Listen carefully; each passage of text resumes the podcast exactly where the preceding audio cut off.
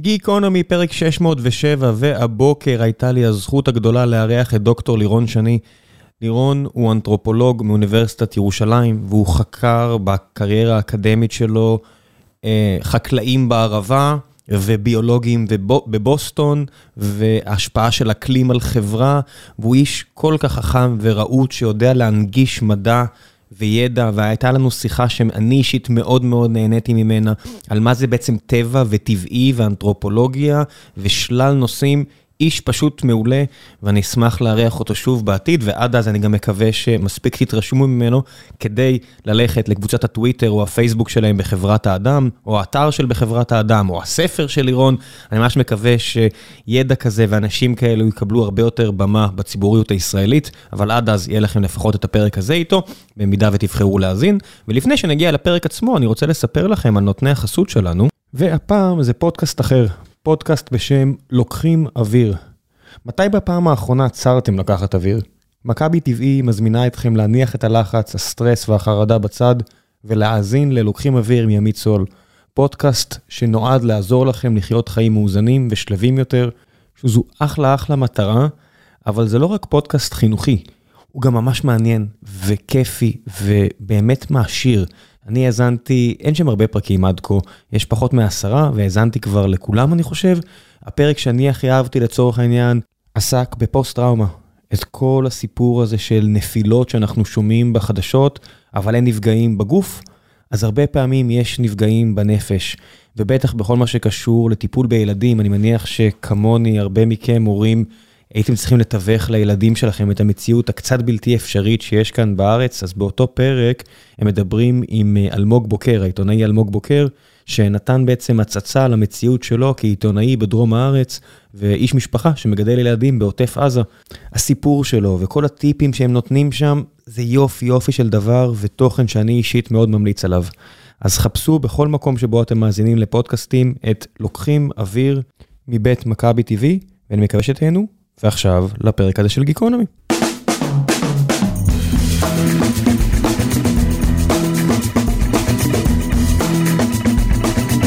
גיקונומי פרק 607 והבוקר יש לי הזכות לארח את דוקטור לירון שני מהמחלקה לאנתרופולוגיה ו... סוציולוגיה. סוציולוגיה. כן, ידעתי שאני לא אזכור את זה לגמרי. אנתרופולוגיה יותר חשוב. באוניברסיטה העברית. זה נכון. תשמע, גם לפי כל הרנקינג האחרונים של הסינים באוניברסיטה העברית גם גבוה, אז אולי זה הכי חשוב. אה, אוקיי. למרות שאנתרופולוגיה לא ממש רושמים במדדים, ואולי נדבר על זה אחר כך. אה, כן, ראיתי לא מזמן תוכנית על למה בכלל עושים את כל המדדים האלה והחשיבות של אה, סטודנטים זרים סינים. אתה ידעת כמה חשובים סטודנטים זרים סינים לעולם האקדמיה האמריקאי? לא ידעתי שדווקא סינים, אבל זרים הם אה, מאוד משמעותיים. אז זה כמו שאתה אומר, זרים נקודה משמעותיים, כי הם התשלום המלא ואין סבסוד מה state וכל הדברים האלה, אבל הסינים גדולים פי, בסדר גודל, פי עשר מה... קבוצת אה, לאום הבאה אחריהם מבחינת סטודנטים זרים בארצות הברית. והסינים, אתה יודע, שהם צריכים עכשיו לראות לאיפה לשלוח, לאיפה לשים כל כך הרבה כסף ולשלוח את הילד או הילדה ללמוד, אז הולכים לפי ה rankings. ואז הכל נהיה skewed למדרג. לחלוטין, יש המון המון בעיות עם המדרגים האלה והדירוגים האלה, אה, ואני מאוד ביקורתי כלפיהם, אבל אנחנו אולי נדבר על זה לקראת הסוף. בעולם שלכם, של פרסום מחקרים, איך יודעים מה זה, אתה יודע, באנתרופולוגיה, מה זה מחקר טוב, ותכף נגיע בכלל למה זה אנתרופולוגיה, אבל איך יודעים מה זה, אתה יודע, פבליק... לפי המדדים, אז אם אתה, אתה צריך לפרסם את כתב, את, כמו במדע רגיל. סייאנס זה העולם שלך גם? סייאנס, יש אנתרופולוגים שמספרים סייאנס, אבל זה לא פח, פחות רלוונטי, אנחנו אנתרופולוגים אה, תרבותיים, חברתיים, אז יש אה, כתבי עת המובילים בתחום שלנו, עם האימפקט פקטור, או איזשהו מדרג אחר של אה, מדדים, שאומר כמה ציטטו את הכתב העת הזה, וכמה... כמה ציטטו מאמרים מתוך כתב העת הזה. ואתה קורא את הכתיבי עת האלה? אמ, חלקם, כאילו יש את הארבעה, חמישה שאתה יודע, עכשיו, לא תמיד יש קשר בין מה שאנשים בדיסציפלינה אה, חושבים שזה הדבר הכי חשוב, לבין מה שבפועל הדירוג שלו. כלומר, יש פה הרבה מאוד פערים שהרבה פעמים המדדים שאתה דיברת על האוניברסיטה העברית ופה וזה, לא תמיד יודעים להכיל. כלומר, יש הרבה, יש כתבי עת תחומיים שאתה אומר, שם כל האנשים שחשובים לי מפרסמים, אבל המדדים שלו הם מאוד נמוכים. אבל מבחינתך, אם זה האנשים שאתה רוצה לדבר איתם, כלומר, שם אתה רוצה לפרסם. לא תמיד זה בא לידי ביטוי אה, בכתיב עת, באנתרופולוגיה בכלל, הדירוג יחסית מאוד נמוך, אה, ולכן הרבה מאוד אומרים, אל תפרסם באנתרופולוגיה, תפרסם במקומות אחרים, אבל אני אנתרופולוג. מה זה אומר ש...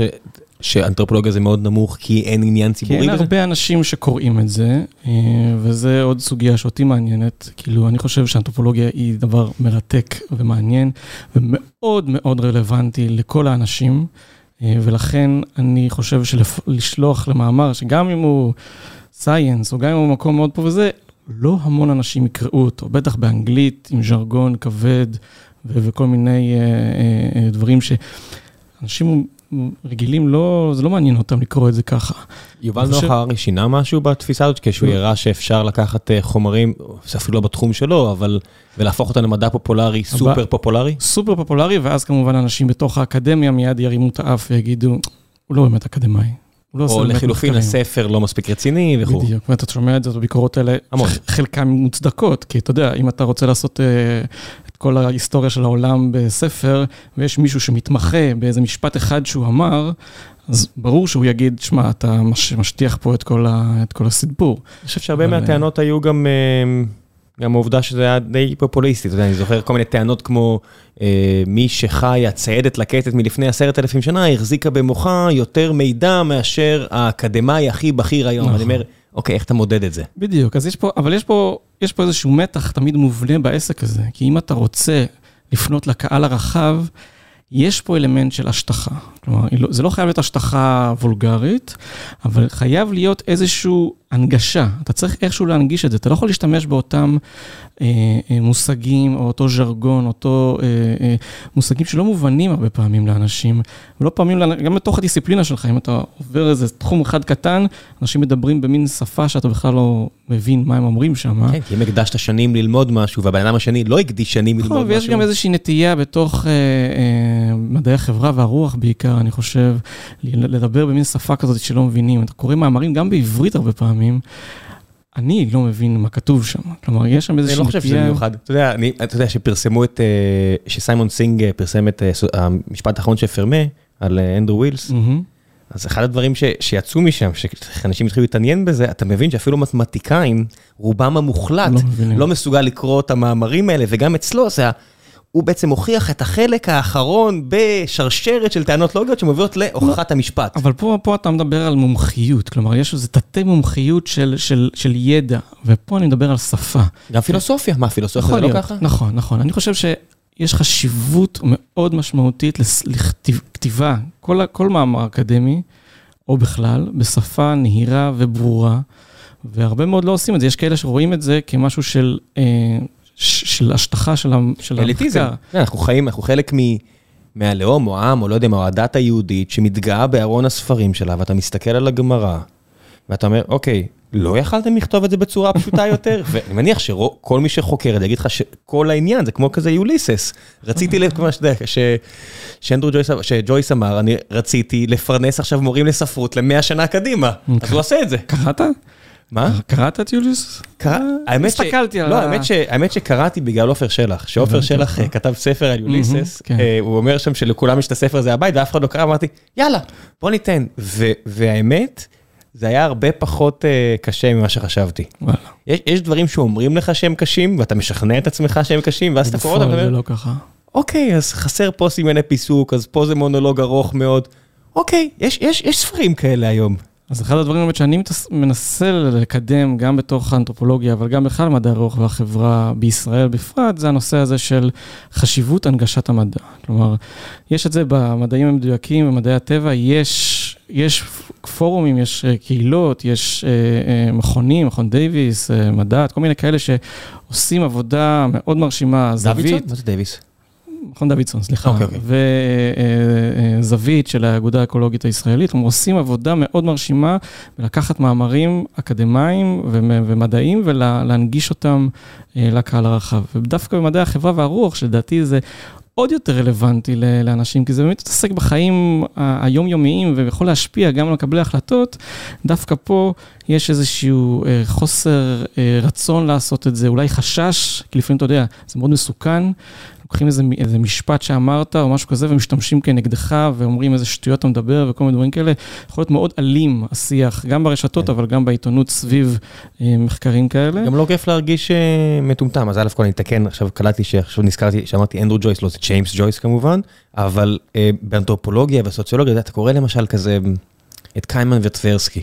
אתה מרגיש טיפש. אז זה פסיכולוגיה. כן, אבל אני משליך את זה על דברים שקשורים כן, לאנתרופולוגיה. נכון. כשאתה קורא מחקרים שרק מראים על טבע האדם, אתה, אתה בעיקר מרגיש טיפש, ואפילו קיימן בעצמו אומר, אני לא חי כמו שאני כותב. לא, זה ברור, אני לא חושב שאתה מרגיש טיפש, אני חושב...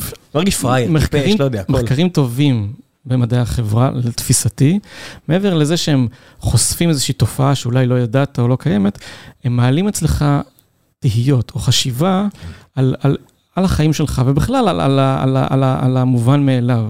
לנסות להבין מה, למה אתה עושה את הדברים שאתה עושה. דטרמיניזם, האם יש לי בכלל, אה, האם בכלל אני קובע משהו, אתה יודע? כן, זה, זה, זה, שוב פעם, זה דברים, אני חושב שיותר אנתרופולוגיה אבולוציונית ופסיכולוגיה, אבל כן, אבל השאלות האלה של למה אנחנו עושים את הדברים שאנחנו עושים, למה זה משהו שאנחנו עושים נראה טבעי אה, לנו ונראה מובן מאליו, אבל וזה אחד הדברים, אנחנו פה נכנסים כבר להתחיל לדבר על קצת מה זה האנתרופולוגיה, כשאתה מסתכל על, אה, על תרבויות אחרות, ואתה עושה את זה לפעמים השוואה, אתה רואה שהדרך שבה אתה חי, או בה אתה מאמין שזה הדרך הכי יחידה לחיות, יש עוד אופציות. אז לא אומר שהאופציה שלך היא פחות טובה, יותר טובה, אבל שווה לחשוב על זה, שווה לפתוח רגע את הראש ולהבין, רגע, למה אני עושה את מה שאני עושה? בעולם כל כך גלובלי, הפערים נעלמים או מתחדדים?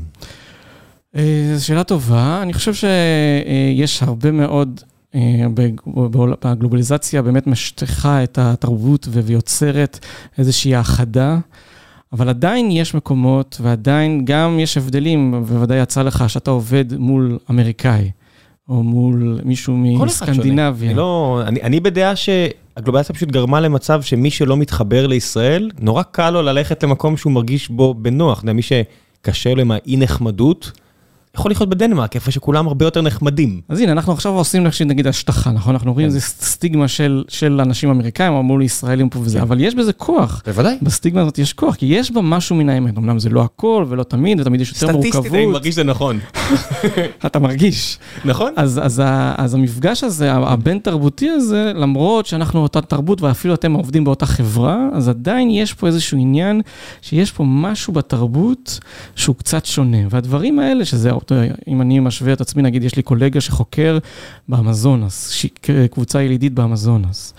ושם התפיסות, ובטח בסוגיות שאני מתעסק איתן, של טבע, ואיך אנשים מתייחסים לטבע, לשימור טבע, יש פה, זה לא רק תפיסות שונות של מה זה טבע, יש תפיסות שונות של איך מתייחסים אל הטבע. כלומר, איך מבינים את העולם. זה שאתה, כל מיני תפיסות כמו אנימיזם, אתה מכיר שאתה, שאתה... האנשת ה... זה לא האנשה, זה מה שמעניין, כאילו, זה האנשה, זה, אנחנו, זה אנחנו מדברים על זה, אנחנו קוראים לזה האנשה. אוקיי, אז מה זה אנימיזם? אבל כן, בגדול זה דומה, אבל זה לא שאנחנו נותנים להם תכונות אנושיות. יש mm. לעץ תכונות. הוא חי. הוא חברתי, הוא יכול, הוא מתקשר איתנו. טריות חיות, עצים חיים. עכשיו, זה לא תמיד בהרמוניה ובשמחה, יש הרבה פעמים קונפליקטים ומלחמות איתם, כן. אבל, אבל הם, זו תפיסה, אז אתה אומר, וואו, זה כאילו, אני, אני עדיין לא אחיה את החיים שלי ככה, למרות שאני יודע שיש דברים כאלה, אבל זה כן פותח לי את המחשבה לנסות להבין את הדברים בצורה אחרת, לנסות להבין את החשיבות של הלא אנושי, מה שאנחנו קוראים לו. חבר'ה במזונות מתבאסים שדוחפים אותם למקשה אחת, זאת אומרת, אני מניח שזה כמו סינים שאומרים, אתם סינים, הם אומרים, רגע, אבל סין בגודל של כמה פעמים אירופה, אז מה... תחשוב נגיד על החרדים. המזונס טיפה יותר גדול מבני ברק. נכון, נכון, שם אתה יודע, יש כל שבט יכול להיות היום, בגלל הטבח, הטווחים שעשו בהם, והמחלות והמגפות וצמצום האזורים שבה הם יכולים אה, לחיות, אז כל קבוצה היא כמה מאות, אבל כל קבוצה יכולה להיות שפה שונה, כל קבוצה יכולה להיות תרבות שונה. כמה אה, עשירה יכולה להיות שפה שמדברים אותה כל כך מעט פרטים? תשמע, זה גם דברים היסטוריים, וחלקם באמת שוכחים את השפה. נגיד אלירן ארזי, הקולגה שאני אה, אה, מדבר עליו, שעושה את המחקר שלו אה, באמזונס, הוא מראה שהוא מדבר איתם בספרדית, כלומר, זו השפה שהיא מאוד... חדר לשם. שם, בוודאי, כי זו השפה שהם מתקשרים, אבל עדיין... ספרדית, לא פורטוגזית? לא, הוא ב, ב, ב, לא בברזיל, הוא באזורים אחרים של, הבנתי, של אוקיי. המזונס, אבל עדיין יש שם אה, אה, את השפה, ו, וחלקם אולי רק הזקנים יודעים חלק מהשפות, שזה גם כן, יש פה איזושהי משמעות. חלק, חלק מהאנתרופולוגים למשל עושים אנתרופולוגיה, אני קוראים לזה אנתרופולוגיה של הצלה. שהם מנסים לתעד ול, ול, ולשמר באיזשהו מובן, אם זה באמצעים דיגיטליים או בכל מיני אמצעים אחרים, את השפות שהולכות ויותר, ויותר נעלמות. קשה אה, לא ליפול לרומנטיזציה, זאת אומרת, אני קורא למשל, קראתי כל הספרים של ג'ארד דיימונד, נורא נהניתי מהם. אבל גם, יש שם את הטענות האלה של, אתה יודע, ילד שגדל בפאפו ניו גיני, בגלל שאין ברירה, זאת אומרת שיש ברירה טבעית, ולא כולם שורדים כמו במערב, אז הוא הרבה יותר חכם, וככה, והוא סקלדן. ואז אתה מסתכל ואומר, אוקיי, אז חיית איתם 20 שנה, אני לוקח everything with a grain of salt שאני קורא אותו. אני לא יודע, מה שאותי תמיד, קצת תמיד צורם, בפשטות הזאת שאתה מדבר על זה, גם כשמדברים על, על תקופות עבר, על, ה, על הצעדים לקטים של האדם הקדמון, אבל גם כשמדברים אה, על צעדים לקטים היום, מדברים עליהם באמת שחיים עם הרמוניה עם הטבע. ויש הרבה, הם מכירים הרבה יותר בצורה, כאילו, אין מה להשוות בין האדם המערבי המודרני כן. לבין אותם אה, ילידים, ששוב פעם, זה לא התחום שלי, אז אני לא הכי מומחה לזה, אבל אתה כן רואה שהם לא חיים בהרמוניה עם הטבע. יש כן, להם... הם... הם במאבק עם... בוודאי, האבוריג'ינים העלימו את כל היונקים מעל גודל קנגרו באוסטרליה. כן, אבל זה לא, זה לא רק זה, גם כאילו, הם, הם, הם מתחרים ברמת היום-יום, עם, עם, עם, עם, עם, הם, כי הם מבקשים אישור לצוד בחלק מהמקומות וכאלה, אבל, אבל יש שם כל מיני תחרות על משאבים, על, על, על, על, על בני אדם. כלומר, אם אתה לא מגדל את הילד שלך כדי להבדיל אותו מהחיות, הוא יכול להיות, לגדול חייתי. לפחות חלק מהתפיסות האלה. לא הבנתי מה זה אומר. כלומר, אצלהם באנימיזם, בצורה, אני שוב פעם מפשט ופה וזה, אבל אם אצלנו אנחנו אומרים, הגוף שלנו, אה, הביולוגי, יש אנחנו והמבות והחיידקים והפילים, אה, אה, הביולוגיה שלנו דומה. כלומר, יש בינינו המון המון דמיון, אבל הנפש, הפנימיות שלנו היא מאוד שונה. אז אצלהם, בדרך כלל, שוב פעם, אנחנו עושים איזשהו... זה אצלהם צעדים לקטים. אצלהם זה צעדים לקטים, בדרך כלל אצל האנימיזם, אנשים שאנחנו מכלילים אותם בתוך הקבוצה הזאת של האנימיזם, אצלהם דווקא הפנימיות מבחינתם היא מאוד דומה, כלומר, לעץ, לכלב ולפיל ולאדם. יש אותה אה, עצמי, אותו יכולת אה, להחליט החלטות ולעשות דברים, אבל דווקא הגוף... הוא המאוד שונה, ואנחנו ועושים ממש המון טקסים והמון דברים כדי להבדיל אותנו בין, אה, אה, אה, בין העצים או בין בעלי החיים החייתיים, החייתיות הזאת, לבין האדם. מה המטרה זה... של מחקר כזה? רק לגלות משהו? יש, איך נראית שאלה מחקרית, למשל, במחקר אנתרופולוגי? טוב, אז בואו בוא נתחיל רגע מההתחלה, מה זה אנתרופולוגיה? אז ב, נגיד אם אנחנו מסתכלים על ארה"ב, בארה"ב יש מה שנקרא פורפילד אנתרופולוגיה, ארבעת השדות של אנתרופולוגיה. בארה"ב זה ארכיאולוגיה, זה אנתרופולוגיה בלשנית, שזה מסתכל על איך שפה מתפתחת היסטורית, זה אנתרופולוגיה אה, פיזית. שזה מאדם קדמון ועד uh, סדרה כמו בונס, של uh, uh, מישהו שבבית משפט שיכול להגיד לך עצמות ככה וככה ופה וזה.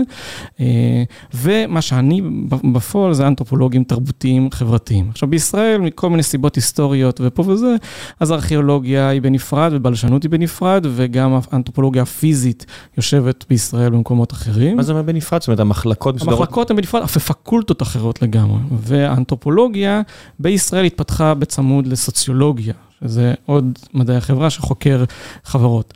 אה, בעבר התפיסה הייתה שהסוציולוגים, בעבר, אנחנו מדברים לפני 200 שנה, 150 שנה, שזה התפתח באירופה ובארצות הברית, אז הסוציולוגיה חקרה את האדם המודרני, את, ה, אה, אה, אה, את האדם המערבי, הלבן בדרך כלל, בעוד האנתרופולוגים יצאו לחקור את הזר, את הפרימ... איך שהם תפסו, מי זה הפרימיטיבי, לצאת אל השבטים, אל האחרים, ואז הם היו באמת בדרך כלל, שוב פעם, תמיד יש תמונות כאלה קלאסיות של האדם הלבן עם בגדים כאלה של קולוניזם, עם כובע, עומד מול כל מיני איזה שבטים אה, אה, אה, ציוריים, חצי ערומים שמסתובבים סביבו.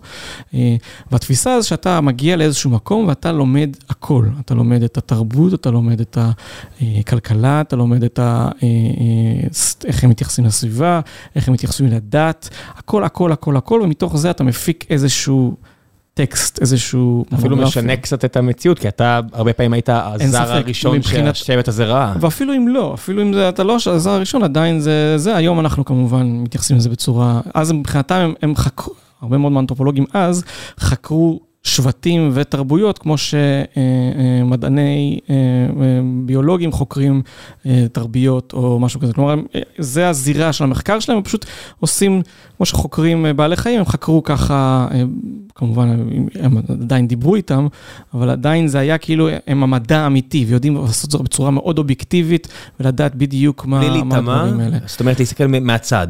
מהצד, אבל הם... ממש כחוקר אובייקטיבי שחוקר את זה בצורה מלאה. זה ממש אחוז, אני מסתכל על, לא יודע, ג'יין גודול וקופים, אז זה שהיא נשלחה לאפריקה, או התנדבה לטוס לאפריקה ולהיטמע באוכלוסיית קופים ולגור איתם, זה ממש ממש עשרות שנים אחרונות. נכון, אבל פה אנחנו מדברים על, גם אם הם לא היו חלק מזה, הם תמיד חוזרים למקום שלהם. ברור שאני לא משווה בין קופים לשבטים של אנשים. למרות שיש אנתרופולוגים, כאילו זה חלק היום מהאנתרופולוגיה באופן כללי. מבחינת הדיסציפלינה המדעית התייחסתי כמובן. כן, אז... אבל כן, ואז נהיה, ש... ואז השינוי באיזשהו שלב הבינו שאתה לא יכול לבוא מבחוץ ככה ולחקור אה, ולהגיד לאנשים, גם הם, כאילו לא שאלו, הם אמרו, זה הסיבה שאתם עושים את הטקסים שלכם. זה שאתם חושבים שאתם עושים את זה בגלל האמונה או בגלל האידיאולוגיה, לא, אתם עושים את זה כי אתם, אה, נגיד, יש אנתרופולוג מפורסם שחקר אה, טקסים, רוי רבפוט, שחקר טקסים של אה, אה, מין פסטיבל חזירים בפפו דניוגיני, והטענה שלו שפעם בארבע, חמש שנים הם עושים איזשהו כינוס מאוד גדול והורגים הרבה מאוד חזירים שהם גידלו. והטענה שלו שזה, ככה זה, זה אחרת, היה להם יותר מדי חזירים. אז הם עושים... דילול של אוכלוסייה. דילול של אוכלוסייה, וזה היה אירוע מאוד משמעותי. הם מבחינתם, זה חלק מהתרבות שלהם, זה טקס דתי שהם אה, פה וזה. אז התחילו כבר איזשהו צרימות, כלומר, איך אתה כופה את ההסבר שלך על אנשים. זה לא בהכרח, אתה יודע, אני בטוח שיש הרבה אנשים שחובשים כיפה. שלך תסביר להם שזה התחיל בכלל באיטליה, המאה ה-13, כי ככה וככה, והם יגידו לך, בסדר, ואני עושה עם זה את זה, זה נהיה חלק מהתרבות נכון, שלי. נכון, אז יש פה הבדל בין למה הדברים נהיו כמו שהם עכשיו, לבין למה אני כפרט, או כקבוצה, או כקהילה, עושה את זה. אבל עדיין יש חשיבות ללמה אני עושה את זה, ואי אפשר להתעלם מזה. ואז התחילו כל מיני חריקות לגבי האנתרופולוגיה, ו... וגם האנתרופולוג עצמו הפסיק להיות אה, מישהו שהוא אובייקטיבי, שברור הרי שהיום, עצם זה שאני מגיע לאיזושהי קהילה מסוימת, אני משפיע עליה.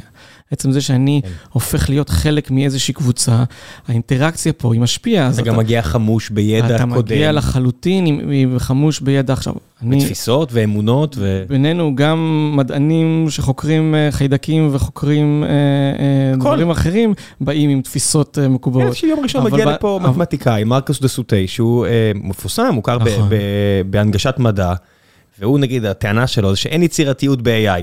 אוקיי, יש, אני מכיר הרבה חוקרי AI ו-ML שיגידו לך, אתה טועה. אוקיי, אה, צריך להגדיר מה זה יצירתיות, ואז נכון. לדבר. אבל זה מה שאני מנסה לעשות בספר שלו. אבל, אבל לפחות באנתרופולוגיה יש לפחות הכרה, מה שנקרא רפלקסיביות. אנחנו מבינים שאנחנו משפיעים ואנחנו מגיעים עם איזשהו זה, ואנחנו חלק מהכלי מחקר שאנחנו, ומה שאנחנו, אנחנו מנסים להגיד, כן, אנחנו יודעים שאנחנו באים מפה וזה, אבל עדיין, תראו, זה הדברים שאני מצאתי, ואני מנסה לשכנע אתכם שזה באמת המציאות כמו שהיא. מה מוגדר כקבוצה שחוקרים אותה? אז בדיוק, בוא נדבר מה האנתרופולוגים עושים היום. ילדי סנטר זה קבוצה? אז היום כבר לא יוצאים, לא רק יוצאים, כלומר, יש עדיין אנשים שיוצאים לשבטים ומקומות כאלה, אבל רוב האנתרופולוגים חוקרים בכל מיני מקומות בתוך החברות, יכול להיות חברות מקומיות, יכול להיות חברות, תזרוק אבן. תמצא מחקר אנתרופולוגי, יש אנתרופולוגים שחוקרים אוהדים וקבוצות, אה, אה, וקבוצות כדורגל. נראה לי מחקר ראוי לגמרי. נכון, יש עוד, יש אנתרופולוגים שחוקרים באמת קבוצות אה, ילדי סנטר, יש כאלה שחוקרים נוער גבעות, יש כאלה שחוקרים אה, אה, מפלגות, יש כאלה שחוקרים אה, איך בנקאים אה, עובדים, אנשי הייטק אה, וכו' וכו' וכו'. יש המון המון המון, כמעט כל מה שאתה תרצה, אה, יש קהילה, וחלק מהמחקר, יש כאלה שממש אמרתי לך, נוסעים למקומות רחוקים, מאוד מאוד זרים מהתרבות שלהם, ויש אנשים כמוני שחוקרים ממש בבית ובמקום שבו הם גדלו. תשמע, מה זה, מה זה, לא צריך את החוק, מבחינתי, שאני מדבר עם, שאני, אתה יודע, המפגש הראשון שלי עם נוער גבוהות והכל היה בצבא, כי היה לי מישהו ש... אתה יודע, שמתאים לפרופיל בצוות, לצערי הוא כבר לא האמנו, אה, וחבל שכך, אבל כשהייתי מדבר איתו, זה עולם אחר, זה בסדר שהוא, שאני בבאר שבע והוא יכל להיות בדרום הר חברון, שזה מרחק של עשרות קילומטרים בודדים. אבל עולם שלם מפריד בינינו, נכון, להרגשתי. לחלוטין, לחלוטין, אבל, אבל עדיין, גם כשאתה חוקר, נגיד, כשאתה חוקר בתוך החברה שבה גדלת, שההורים שלך, נגיד אני חוקר בערבה, במושבים בערבה, שההורים שלי עדיין גרים שם, והרבה מאוד מהחברים שלי עדיין גרים שם, אז יש שם אתגרים אחרים של איך אתה עושה את זה. כן. אז בעוד אנתרופולוגים, ואנחנו ככה תמיד אומרים שבאנתרופולוגים שיוצאים רחוק, הם צריכים להפוך את הזר למוכר. כלומר, הם צריכים ללמוד את התרבות ואת השפה ואת המנהגים ואת מה שנתפס כטבעי, ואז לנסות לחקור את זה. לעומת זאת, אם אתה חוקר בחברה, גם אם אתה חוקר בישראל, אבל עוד יותר, אם אתה חוקר בחברה שבה אתה גדל, אתה צריך להפוך את המוכר לזר, לעשות הזרה. וזה לא תמיד, זה לפעמים אפילו יותר קשה. כי לא. צריך אובייקטיביות כלשהי? שוב פעם, המילה אובייקטיביות, אני תמיד זהה באי נוחות, אבל הניסיון, ויש כאלה באנתרופולוגיה שבכלל לא מאמינים בדבר הזה. אני עדיין מנסה להגיד, אני אנסה להתקרב כמה שיותר לדבר הזה. כלומר, כמה שיותר למה שאני רואה כמציאות, כי זה עדיין דרך המשקפיים שלי, זה עדיין דרך הפרספקטיבה שלי. אז אני לא יכול להגיד שיש דבר כזה, שזה מה שהמציאות, אבל אני אנסה כמה שיותר. אז מה אנחנו עושים בעצם? הכלי הכי משמעותי של האנתרופולוגיה, כמובן שזה הוא עצמו, ו... הטכניקה נקראת תצפית משתתפת. השאיפה שאתה מגיע לאיזשהו מקום, זה יכול להיות חברת הייטק, וזה יכול להיות אה, מושב, וזה יכול להיות אה, אה, נוער גבעות או צוות אה, ציידים לקטים, ואתה ממש מנסה להיות חלק מהם. אתה תשהה שם, ואתה תגור איתם כמה חודשים, יש כאלה שאפילו כמה שנים, ואתה אה, תהיה, תשתתף בכל הפעילויות שהם עושים, אה, באיזשהו שלב גם, באיזשהו שלב גם המחסומים יורדים. כי אם אתה נמצא במקום מסוים הרבה מאוד זמן ואתה ממש הופך להיות חלק מהאנשים, אז הם כבר הרבה פעמים מקבלים אותך כבר כחלק ממה שהם עושים, ואתה נראה, זה נראה שטבעי שאתה בתוך הקהילה הזאת. אין סכנה שתיפול על קבוצה של פרטים שמתנהגת מאוד שונה מקבוצה של, זאת אומרת, אמרת חברות הייטק, אני... תהיה פה, אז לחברה הזאת יש אופי נורא מסוים, ואז תלך לארבע חברות אחרות, ולכולן מהן תהיה... ואני רואה הרבה פעמים כזה, ההייטק הישראלי ככה, נכון, אומר, זה נכון. מקשה של נכון, מאות אלפי אנשים. אז אה, אנתרופולוגים יגידו אה, שאנחנו לא חוקרים כפר, אנחנו חוקרים בכפר מסוים. Mm. אבל עדיין, מתוך הכפר הזה, יש איזה תובנות שאתה צריך בזהירות, אתה יכול להגיד, אני יכול להכליל את זה, אולי לא, לא דווקא רק על התרבות הישראלית, אלא בכלל על חברות הייטק ועל אינטראקציות. תלוי מה אתה חוקר, תלוי איזה דברים האלה. צריך כמובן מאוד להיזהר עם זה, וצריך, ואתה יכול לחקור דברים ספציפיים שאתה אה, מסתכל עליהם. אני מניח שחקלאים בנאות הכיכר... אה... בהרבה בחינות יותר דומים לחקלאים בפרזנו, קליפורניה, או באזור הזה, מאשר לתושבי תל אביב. כי הם שניהם חקלאים. נכון. מצד שני, יש פה עדיין את המסגרת הלאומית הישראלית הציונית שמשותפת להרבה מאוד. יש עדיין את הסכסוך הישראלי-פלסטיני, יש עדיין את הרגולציה הישראלית והקשיים ויוקר המחיה וכל מיני דברים כאלה, שכן, הם כן דומים גם לאלה מתל אביב וגם לאנשים מהערבה ומעין יהב ומנאות הכיכר. אז יש פה איזה שהם דפוסים ואתה צריך לשחק ולראות באמת את ההבדלים האלה, וזה חלק מה... מהדברים. אז אמרנו שאנחנו מגיעים למקום, אנחנו שוהים בו, אנחנו מבינים אותו, אנחנו מנסים כמה שיותר אה, להכיר אותו, שזה לא תמיד קל, גם כשאתה חי 20 שנה בארצות הברית, עדיין הרבה פעמים אתה תהיה זר, כי אתה לא תבין לגמרי את כל הדקויות. וגם אם הבנת, הבנת פיפס קטן מעיר אחת ב state אחד. אז תחשוב מה קורה למי שנגיד עובד באיזשהו שבט או, או, או משהו כזה, שזה, שזה ממש שונה. אז יש פה, אתה, אתה, אתה תמיד אף פעם לא תוכל, אתה תמיד תנסה להיות כמה שיותר קרוב להבין את מה שאותם אנשים אה, אה, חיים ומבינים. אה, עוד דבר אתה עושה איתם, עושה רעיונות, עושה איתם רעיונות עומק, יושב איתם במשך שעה, שעתיים, שלוש, שבו מספרים את סיפור חייל, לפעמים אפילו כמה פעמים אתה עושה את זה לאורך זמן. לי יש רעיונות... אני מנסה לאתגר את המחשבה, נגיד, לא אתה מדבר עם מישהו מעין יהב או נאות הכיכר או כל האלה, ואז אתה שואל אותם משהו כמו... אתם חושבים שהגיוני שהכסף של הכור או כל המפעלים האלה הולך אליכם ולא לערד? לחלוטין. א', זה... אתה רואה את הנושא, כן, כאילו. אתה, אני רק, רק לסמן פה את זה, אתה כל הזמן מדבר על המועצה האזורית תמר. שזה לא הערבה. ואני מדבר על ערבה תיכונה, כן. שזה שתי מועצות שונות, ועם ויכוחים וריבות ותרבות. זה היופי, ו... מבחינתי, שאני מטייל שם, אני אומר, אוקיי, בסדר, זה עוד עשר דקות אה, נכון, נסיעה נכון, צפונה. נכון, נכון, נכון מאוד. אז יש פה ממש הבדלים, אה, זה כן, חשוב שנשים את זה על השולחן. אה, פלפלים, כולכם גדלתם. מגדלים פלפלים. אז לחלוטין, וזה כן. גם טכניקות של אנשים. הרבה פעמים אני אישית אוהב לתת לאנשים לספר את הסיפור שלהם, ואז לאיזשהו, באיזשהו שלב אני מתחיל כאילו להקשות ולאתגר ולהגיד, אה, גם כן, למה את חושב שהמדינה צריכה לממן חלק גדול, למשל, מה- מהזה שלנו, של של זה שאתם אה, נמצאים פה, או לגבי, אם אני חוקר מדענים שעכשיו הופכים להיות אה, מדעני נתונים שנכנסים לתוך ביולוגיה, שזה עוד תחום שאני משחק איתו. תסביר, אז- תסביר, תסביר. אז אחד הדברים ש... שאני, חוץ מזה שאני חוקר אה, אה, סביבה, מתח בין חקלאות אה, וסביבה ופרשנות של טבע ודברים כאלה, אז עש- עשיתי גם איזשהו מחקר, או אני עדיין בעיצומו של מחקר, של איך מדעני נתונים, זה בעיקר על ביולוגיה חישובית, אבל, אבל לא רק, על איך, איך הכניסה הזאת של אה, אה, מדעני נתונים או אנשי חישוביות נכנסים לתוך כל מיני תחומים כמו אה, ביולוגיה, פיזיקה, גיאוגרפיה, רפואה, והמתח שנוצר בין אנשים שהיו עושים עד עכשיו ניסויים על, ה, אה, על הגֵן הבודד הספציפי, ומנסים לעשות את זה על השולחן, לבין אנשים שמנתחים עכשיו בראייה של data driving, של המון המון המון המון דברים, ואיך איך תפיסות החשיבה האלה אה, אה, נתפסות. אז מה אני עושה נגיד של המחקר הזה? שזה מחקר שהתחיל כשאני ובת זוגתי, שהייתה פה גם כן, של מורן, מורן יסור, שהיינו ביחד בבוסטון, של הפוסט-דוקטורט שלה וגם הלימודים שלי, היינו שם איזה שש שנים, המשפחה שלנו, ובבוסטון יש... אה, יש המון ישראלים, אבל חלק גדול מהישראלים האלה הם ביולוגים חישוביים. עכשיו, והם היו, והיו המון סביבי, המון ביולוגים חישוביים, גם בגלל מורן, אבל גם כי הם, הם המון ישראלים שם, והם כל הזמן עסקו, רגע, אני כבר לא מדען מחשב, אבל אני גם לא בעצם, אני לא ביולוג. אז מה אני בעצם, ומה מה זה אומר, ו, ומתוך השאלות אמרתי, טוב, נו, אם אני כבר פה, ואם אתם כולכם פה, אז בואו בוא נעשה עם זה משהו. ואז מה עשיתי? התחלתי לעשות רעיונות עומק. כלומר, אני יושב עם, עם, עם חלק מהמדענים האלה, חלק ניס, שהם עדיין ניסויים, ביולוגים, שהם עדיין עושים את הניסויים, ואין להם קשר לביו, לחישוביות ודברים כאלה, וחלק אחרים שהם כן, אה, שמגיעים ממדעי המחשב ומנסים להפעיל את הכלים שלהם על הביולוגיה, וגם אני מצטרף, אני מצטרף, יושב איתם בקבוצות, אה, ב, ב, ב, בישיבות ובקבוצות שלהם, לפעמים משתתף איתם בכל, חלק מהניסויים שהם עושים, או בכנסים שהם אה, נמצאים, ומנתח גם כל מיני דברים שהם אומרים, כלומר שהם כותבים מאמרים, על מה בדיוק הם מדברים ופה וזה, ומה שאתה, שגילינו, במחקר הזה, שעשיתי עם עוד איזה פרופסור אה, מ-MIT, מה, ש, מה, ש, מה שגילינו שבעצם יש פה שתי צורות חשיבה מאוד שונות. אנשים שמגיעים מהחשיבה הביולוגית, חשיבה של אה, מנסים לחשוב עם שאלת מחקר מאוד מצומצמת, אה, ששואלת איזו שאלה מאוד מסוימת, ואת זה הם בודקים בניסוי שיכול לקחת עשרות חודשים ויכול להתקלקל ופה וזה.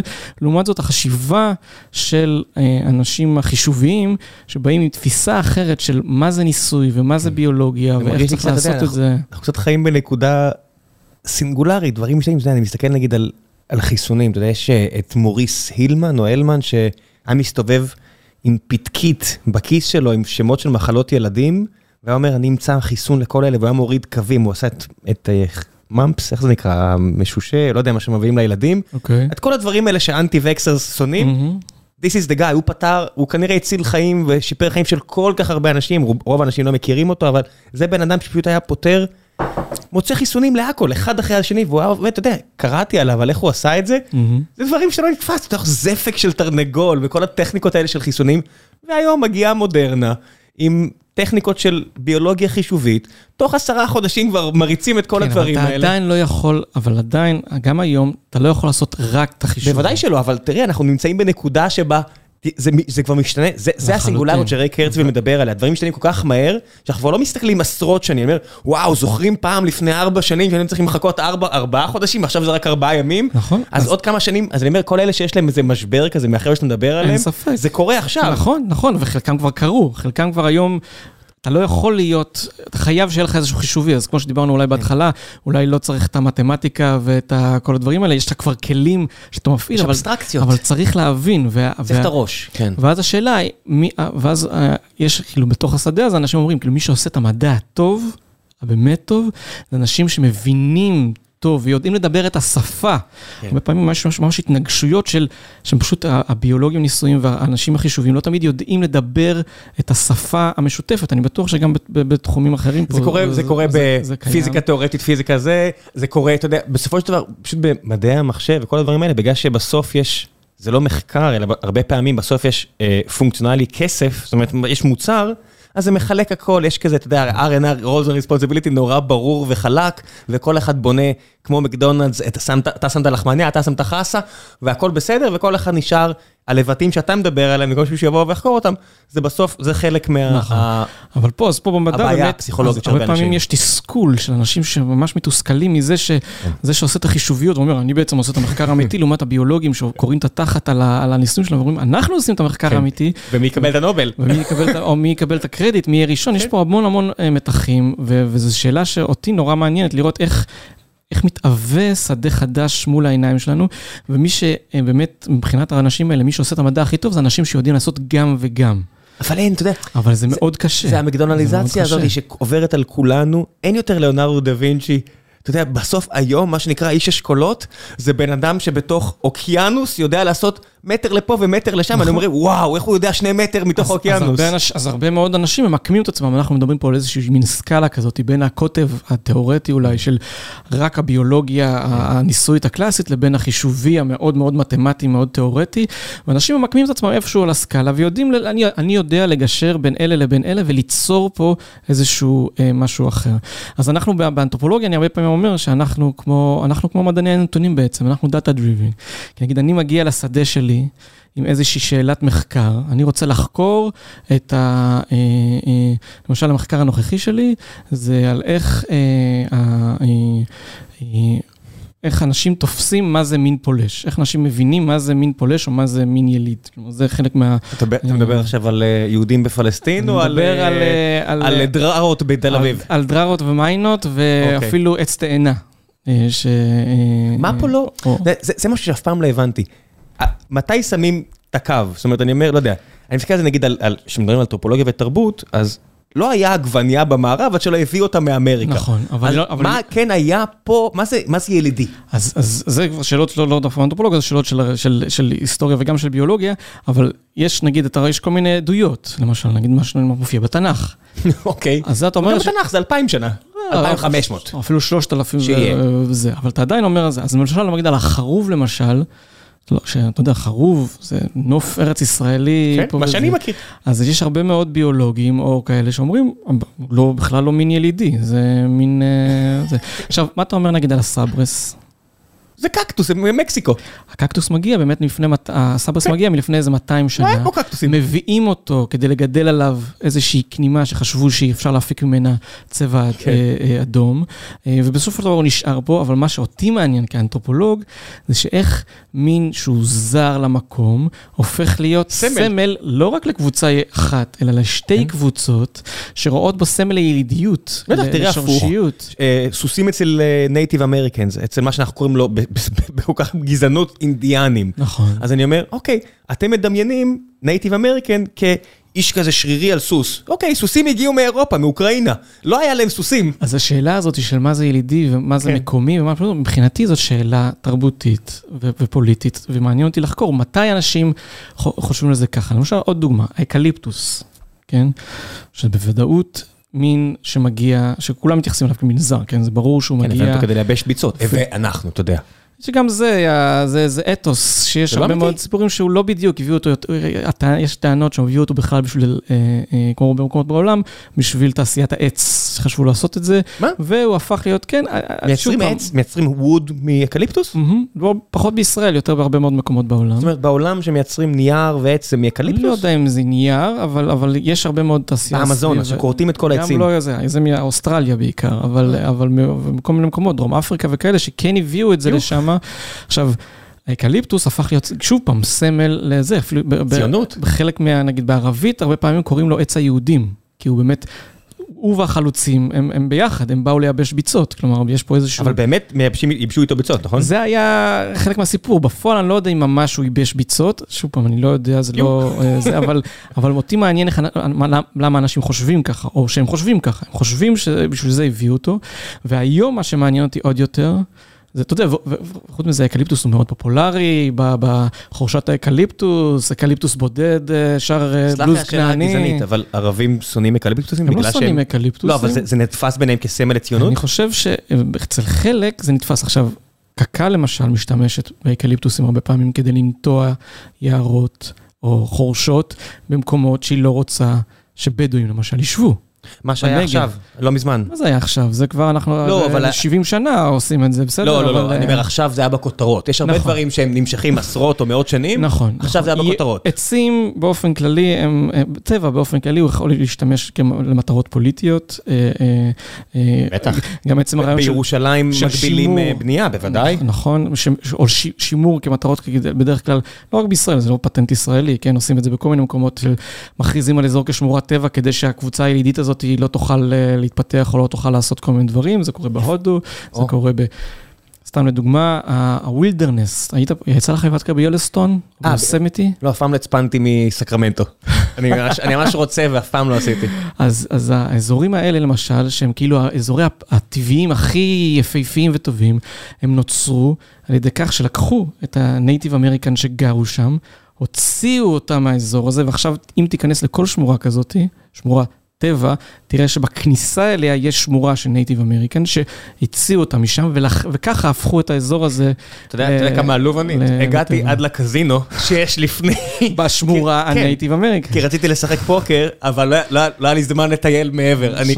עוד מעט נדבר על זה, על החיבור בין, על הטבע, או הניתוק מהטבע יותר נכון. כן. אז למשל, האקליפטוס שימש גם לדברים האלה.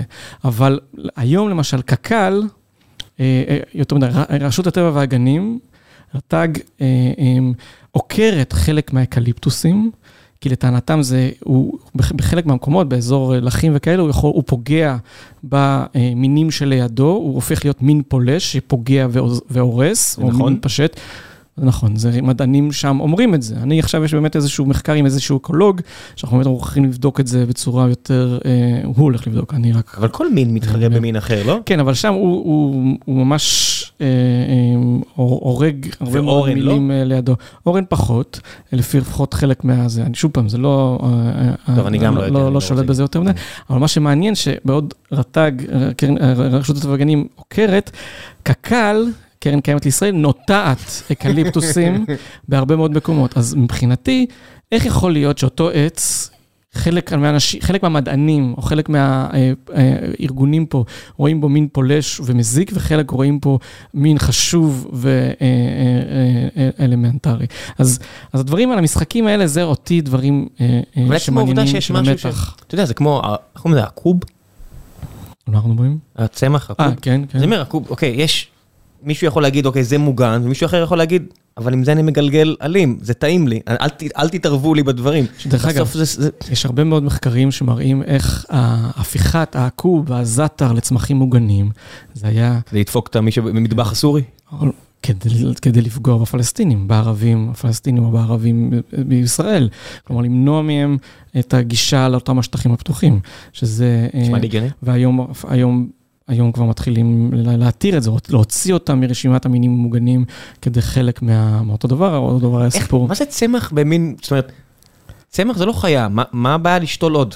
או שמה, נעלם מגן, נעלם, נעלם הזרעים? יש פה עניין של, אה, באופן כללי בעולם, אנחנו היום חוץ מזה שיש... סליחה על השאלה מטופשת. לא, בסדר, אני, אתה יודע, זה כן. שוב פעם, זה לא התחום הזה כן. שלי, אבל דיברתי עם אקולוגים, אז uh, מעבר לזה שאנחנו, יש בעיות של שינוי אקלים מאוד משמעותיות, יש עוד כמה בעיות סביבתיות מאוד משמעותיות, כמו למשל אובדן המגוון הביולוגי. יש צמחים שפשוט נעלמים. אנחנו לא רוצים לגדל אותם רק בגינה בבית, אנחנו רוצים שהם יהיו בטבע, שהם יהיו חלק מהמערכת האקולוגית, והם נעלמים מתוך האזורים האלה. גם כי יש צמחים אחרים ובעלי חיים, אותו דבר גם בעלי בעלי חיים, שפשוט דוחקים אותם. יש צמחים שמגיעים, למשל, שיטה כחלחלה, איזשהו צמח שהבריטים הביאו כדי אה, לתחזק, לחזק את אדמות החוף, את אדמות החול שלא ייסחף, כן. אה, והפך להיות מין, לא רק בישראל, אבל בישראל זה מאוד חזק, הפך להיות מין אגרס, פולש אגרסיבי, אתה כמעט רואה את הפריחה הצהובה שלו כמעט בכל מקום. כן, אה, בעיניי, אבל זה... והיא מאוד יפה. למה טבעי זה טוב יותר? זאת אומרת, אני מסתכל נגיד על יער יתיר, שהוא יער ששתלו אותו, אני אומר, כמי שגדל שם, אתה יודע, כמי שנולד באזור, אז הייתי הולך לחפש שם פטריות, ועכשיו אני אקח את הילד טייל, שאני אומר, אוקיי, אז זה לא היה שם לפני. Who cares? אני אומר, אם, אם ייקחו, אני חושב על ספרי מדע בדיוני כמו חולית, שכל הזמן זה טרפורם לכדור הזה, ופעם הוא היה חול, ועכשיו הוא ירוק, ואז חול, וזה עשרות אלפי שנים, זה רעיונות מעניינים לחשוב עליהם. אוקיי, אם עכשיו עם טכנולוגיה של התפלה ולשתול ולא יודע מה, יהפכו את ישראל למקום שיש בו רק עצים שפעם היו באוסטרליה והם נורא יפים ונותנים צל.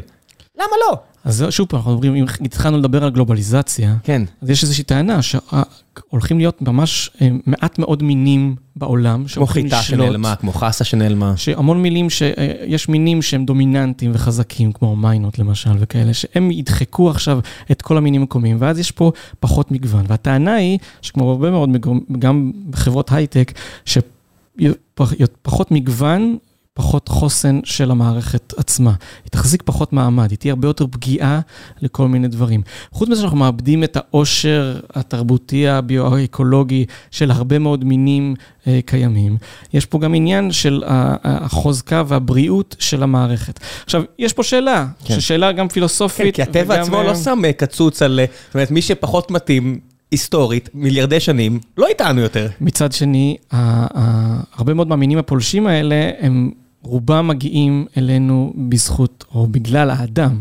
אז מה, אז אם ציפור הביאה את זה ואם האדם הביא את זה, זה משנה? זה, עניין של סקאלה, של, של כמות, של היקף. הכמות המינים הפולשים וההיקף של הפלישות בשנים האחרונות, זה, אתה רואה גרפים, כאילו, אתה רואה עליות מטורפות. כן. ש, ש, אבל יש פה שאלה, האם, אה, נגיד ב, בים התיכון, מאז שפתחו את תעלת סואץ, יש פלישה אדירה של... המדוזות הגיעו. אה, גם מדוזות, אבל יש המון המון המון מינים. חלק, אבל מצד שני, גם הטמפרטורה, בגלל שינוי האקלים, הטמפרטורה עולה. אז הרבה מאוד מינים, מינים מקומיים כבר לא יכולים לשרוד פה. אבל דווקא המינים הפולשים שמגיעים מסביבות יותר uh, טרופיות, פורחים. הם דווקא יותר פרולים. אז אולי זה טוב שיש מינים זרים שמגיעים, כי הסביבה משתנה, ואנחנו כן רוצים שיהיה פה מינים שיהיו פה.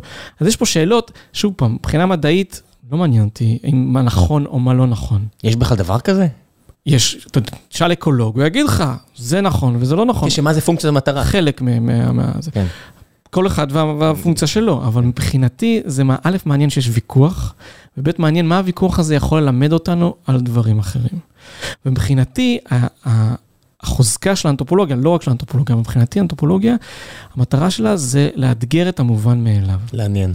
כאילו, אנחנו צריכים לחשוב, עכשיו, יש אמירה מאוד מפורסמת של האנתרופולוג, אה, אחד הגדולים, שנקרא קליפורד גירדס, שאומר, האדם, מה זה תרבות? זה שהאדם עצמו כלוא בתוך רשת המשמעויות שהוא טבע בעצמו.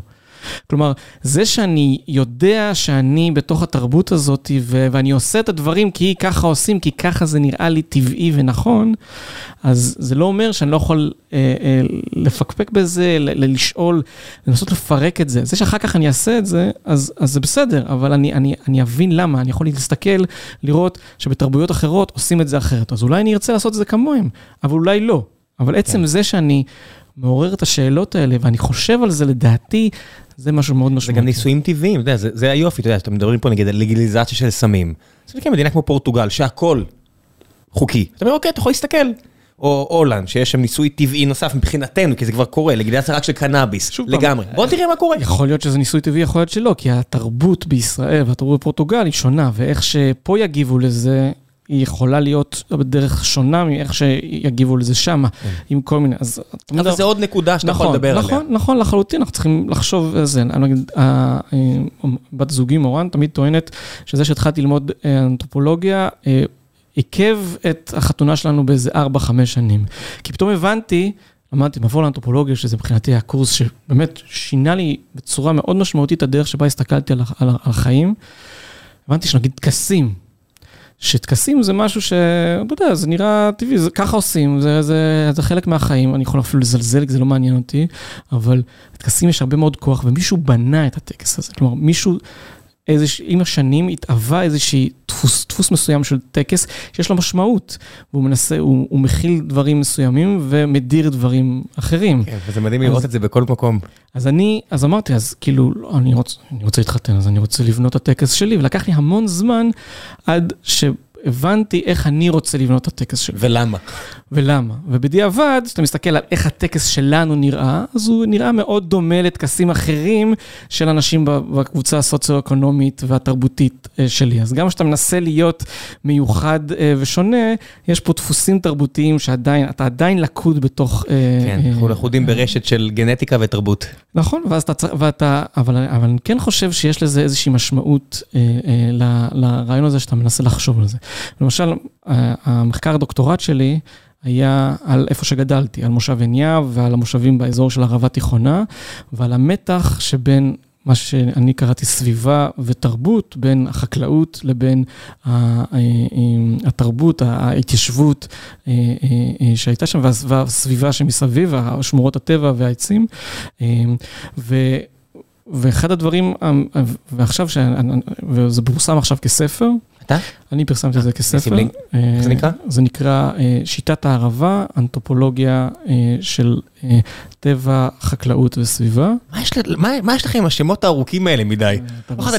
עין יהב. אתה מנסה להכיל הכל, וגם שזה יהיה, היה חשוב לי שיהיה אנתרופולוגיה, כי אין המון ספרים באנתרופולוגיה בעברית, וזה היה חשוב לי.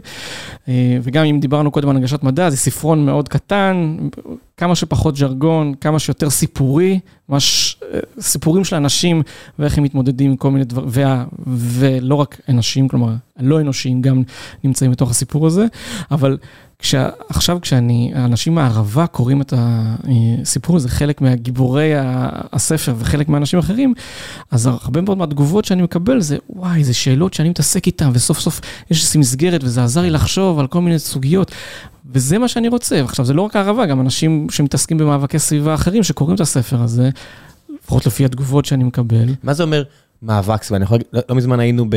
אז החלטנו לא עין יהב, אז נסענו לפארן. אנחנו מאוד אוהבים את זה. שזה גם בגבולות הגזרה שלי. בגבולות הגזרה. אז היינו שם בפארן, ואז אתה לוקח את הילד לראות איך יש אננסים והכל, והבן אדם שם, מי שישנו אצלו בצימר, לא יודע איך לקרוא לזה, Airbnb, אז הוא אמר, נורא חשוב לי החקלאות והכל, ואז אתה הולך ורואה שלא יודע, שלושת רבעי מהיישוב זה תאילנדים, והתרבות, היא תרבות תאילנדית, הסופר הוא סופר תאילנדי, הם יושבים שם בחוץ יום שישי בערב מנגנים מוזיקה תאילנדית ואתה אומר, אוקיי, מי חשוב פה למה? מה? מה קורה פה? זו שאלה מצוינת, וזה גם חלק נגיד מהבחינה של איך אתה הופך את המוכר לזר. כי למשל, כשאני, בחלקים הראשונים, בפעמים הראשונות שהחברים שלי קראו חלק מהמחקרים שלי, אז הם הצביעו לי למשל על זה שאני, כמו הרבה מאוד מה... אנשים בערבה, ראיתי את התאילנדים כחלק מהמקום, מהנוף אפילו, אבל אמרתי, ברור שהם נוכחים, הרי בערבה יש לא שלושת רבעי, אבל חצי. שהוא אמר לי בפארן שזה המספר, אולי אני טועה. אבל היום בגדול המספרים הם נעים בין כשלושת אלפים ומשהו תושבים אזרחי ישראל, ושלושת אלפים ומשהו מהגרים, מהגרי עבודה מתאילנד. אז... אז, אז הרבה פעמים אנשים אמרו לי, לירון, אתה לא יכול להתעלם מהדבר הזה. זה חצי מהאנשים. מצד שני אמרתי, אבל זה לא הסיפור שרציתי לספר, אבל אני, אני לא יכול לספר. אז, אז, אז אני, כמישהו שגדל שם, הייתי צריך לפרק את הדברים שלי ולהכניס אותם אה, לתוך הסיפור. אבל זו באמת שאלה. עכשיו, מה זה, אתה אומר מאבקי סביבה. עכשיו, אה, אתה רוצה לעשות חקלאות. כדי לעשות, לקחת שדה שהיה קודם עצי שיטה והרבה מאוד אה, דברים. אתה צריך... להוציא משם הכל, למלא שם חול ולעשות כל מיני פעולות, מניפולציות על האדמה הזאת, כדי שתוכל להצמיח איזשהו צמח שבוודאי הוא לא הגיע... אננס לא קשור. הוא לא מקומי, גם הפלפל הוא לא, או אפילו העץ תמר. הוא לא מקומי לאזור הזה. אז, אז, אז, אז ברור שיש פה איזשהו מיני פלוץ, אבל אתה לא תקרא לאננס מין פולש, או מין זר.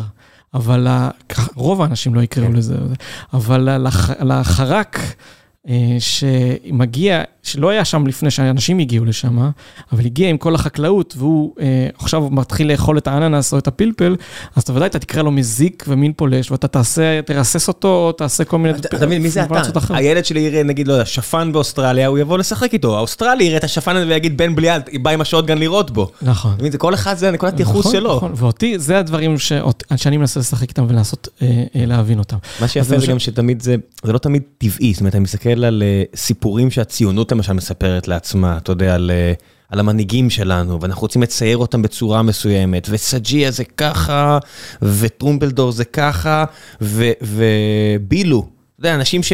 חבורת הזויים שהגיעו מרוסיה פה לאיזה ארבעה חודשים, ואנחנו מספרים על איזה ציונות גדולה, הם באו, ראו, התקפלו. וזה אתוס עצום, ואתה מסתכל ואומר, אוקיי, מזכרת בתיה, אם לא היה שם את הברון שהחזיק אותם בכוח והביא את הכסף, הם לא היו באים פה. זה הכל כאילו, אתה יודע, סיפורים.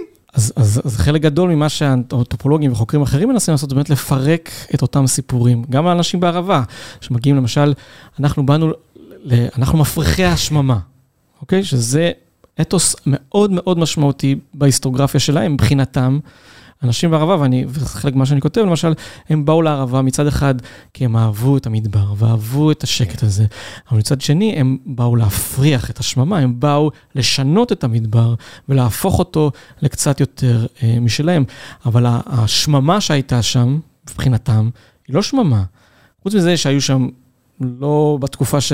לא בשנות ה-60-70 שהקימו את היישובים האלה, אבל עד 48' היו שם אנשים אחרים שהסתובבו שם. אבל גם האנשים האלה הגיעו מחצי האי ערב. בסדר, לא... המרחק מחצי האי ערב לנגיד, תמיד צחקתי על זה שנגיד אנחנו בבאר שבע, גדלתי בבאר שבע, אז הבדואים שאמא שלי טיפלה, הייתה אומרת, אתם כאילו ה... ילידים. לא, מהילדים ואתם, זה משהו שכאילו, אוקיי, ההורים שלי הגיעו מאיזה אזור במולדובה, שהמרחק האווירי שלו לבאר שבע, הוא כמו המרחק האווירי מערב הסעודית של הבדואים כן, שהגיעו. כן, השאלה כמה, מתי הם הגיעו. אז אוקיי, אבל שניהם יש... הגיעו מהאימפריה העות'מאנית. האימפריה העות'מאנית נכון. שלטה על שניהם, והאימפריה העות'מאנית העבירה אלבנים לפה, ארמנים לשם, העבירה את הכל. ויש פה קבוצה של אנשים, שצ'רקסים, או לא יודע מה, אנחנו הילדים, אני אומר, סז הוא, לפי איזה אמת מידה. אז, אז אם, אם אתה סופר מלפני 200 שנה, או לפני 100 שנה, האם הבן אדם ש...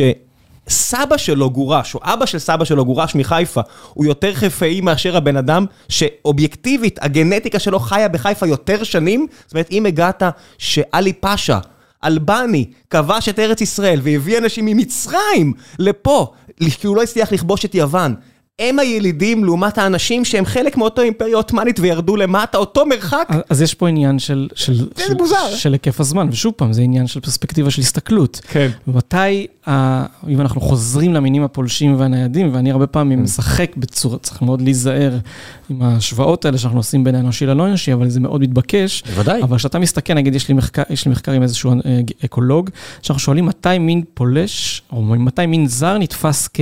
מקומי, כיליד. מתי עובר השלב הזה? ואתה רואה שלמינים שונים, יש קבועי אה, זמן שונים. החרוב למשל, כבר נתפס בקרב הרבה מאוד אנשים כמין אה, מקומי, למרות שהוא לא, מופיע, כן? לא מופיע בתנ"ך, הוא מופיע, הוא, כנראה הוא הגיע לפני איזה אלפיים ומשהו שנה, או החולדה, כן? שהגיעה בתקופה הרומית, כן. לפי ה... בספינות, כן. אה, אז, אז יש פה המשחקים האלה של, ויש קבוצות שרואות בזה יליד ולא יליד, אז כאילו לעשות להבין את זה גם אותו דבר גם לאנשים. עכשיו, הרבה פעמים הילידות גם זה שאתה נותן למשהו טייטל של ילידי, יש לזה גם משמעות פוליטית מאוד חזקה.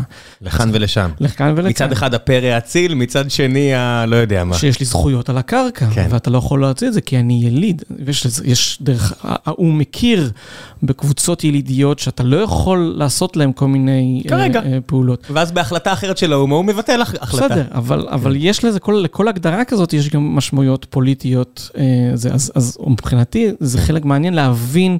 את הדינמיקה הזאת. מה שיפה זה לראות את זה מול העיניים, אתה יודע, אני מסתכל, יש לנו עובד באוקראינה. אז דיברתי איתו, והוא אומר, אין יותר רוסית. אתה יודע, זה, זה אנשים שדיברו רוסית עד לפני שנייה, וראו ופתאום, את עצמם אה, חלק מה... לא יודע מה ראו, זה כבר שאלה פוליטית, הם יכולים, נכון. הם יכולים, זה, זה אני לא יכול לתקף. אבל זה שדיברו לא, רוסית והפסיקו לדבר רוסית, נכון. זה עובדה. זה מדהים. בעיניי. וזה בלייב מולנו עכשיו. ממש לחלוטין ככה, נכון? זה, אתה יודע, כמה שנים קראו פה לכולם בארץ רוסים, אתה יודע.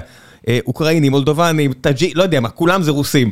ותמיד צחקו, האוקראינים, זה סור פה, אני כאילו מדבר את זה בצחוק, אבל עבורם זה היה, אל תקרא לי רוסי, אני אוקראיני. נכון. ועכשיו זה ממש ברור לכולם, שלא לא תעשה את הטעות הזו. אתה יודע, אתה מסתכל, אתה אומר, לא יודע, ערבים.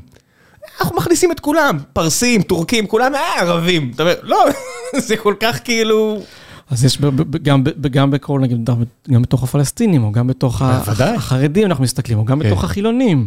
אתה רואה המון המון קבוצות, וחלק מה, חלק מהעבודה של האנתרופולוג, זה באמת לנסות להבין איך אתה מגדיר קבוצות שונות ותפיסות שונות, וחלק חשוב מזה להבין שתרבות זה משהו דינמי, כמו שאתה אומר, הכל זז. כן. אז כל הזמן הדברים משתנים. אי אפשר להגיד שהאמריקאים הם... הם, הם מקשה אחת. או זה שהגרמני, או, או, או כל מיני דברים כאלה, שאנחנו בדרך כלל, אנחנו בצורה מאוד הגיונית וטבעית, שוב פעם, אנחנו עוד מפרק את המילה הזאת, אנחנו מסתכלים, נותנים איזה סטיגמה על איזשהו, ישראלים, חוצפנים, כאלה, הדברים הם דינמיים, כלומר, יש משהו שהוא מאוד אופייני לתרבות, אבל התרבות משתנה. וקודם, דיברת קודם, רציתי לשאול אותי על המיתוסים האלה, על הזה, וחלק גדול אז אנחנו מנסים לפרק את זה. נגיד, מבחינתי המושג טבעי, מה זה משהו טבעי? כשאומרים על משהו, אה, זה טבעי, ככה זה תמיד היה. אז אנחנו מסתכלים ומנסים להבין, האם באמת זה תמיד היה? וגם אם זה תמיד היה, זה דבר טוב? האם זה דבר טוב? האם למשל, כשמסתכלים למשל, כאילו, לדוגמה, על אה, מה זה מבנה המשפחה? כן. הטבעי. מעמד האישה, אתה יודע, זה טבעי. Fuck you טבעי. לא, אז אתה יכול להסתכל למשל שבתרבויות שונות, הקונספט הזה של אבא, אימא, שני ילדים וחצי כלב, זה לא משהו שהוא טבעי. כלומר, אצלהם יש תפיסות אחרות של מה זה משפחה. יש מגוון מאוד רחב של צורות תרבותיות פה. וגם פה אתה מבין ש... כשמישהו, כשמשהו נתפס כמשהו טבעי בדרך כלל, אתה מבין שמישהו גרם לזה לקרוא לזה. כן, למישהו יש משהו להפסיד פה אם זה ישתנה. לחלוטין, וחלק גדול מהרעיון הזה באמת לנסות להבין למה, למה זה נגרם, או למה, איך זה קרה, איך זה התהווה להיות טבעי, איך זה הפך להיות מובן מאליו, ולנסות לפרק את זה. שוב פעם, יכול להיות שאני עדיין אעשה את אותם דברים, למרות שאני אבין שזה... נוצר על ידי מישהו או משהו לאורך זמן, כי אני עדיין חלק מהתרבות, אני רוצה להיות חלק מפה. בואו ניקח דוגמה, סתם כדוגמה, את הברית מילה, כן? יש לנו טקסים, הטלת מום גופני, זה משהו שקורה בהרבה מאוד תרבויות, בכל מיני צורות אפילו המילה הטלת מום, אני ארים יד פה, אגיד, בוא נגדיר אותה. נכון, נכון. כן, לעשות הגיל באוזן זה הטלת מום? לחלוטין, זו שאלה, זה חלק מההגדרות האלה, אבל כשאנחנו מסתכלים, אתה מנסה לראות איך גם נגיד החילונים המוחלטים בישראל, רובם, וזה מתחיל להשתנות, אבל רובם עדיין יעשו את הטקס הזה, אוקיי? אז, אז יש פה שאלה, למה אתם עושים את הטקס הזה ולא טקסים אחרים בתוך המספר הזה? למה בחרת את זה?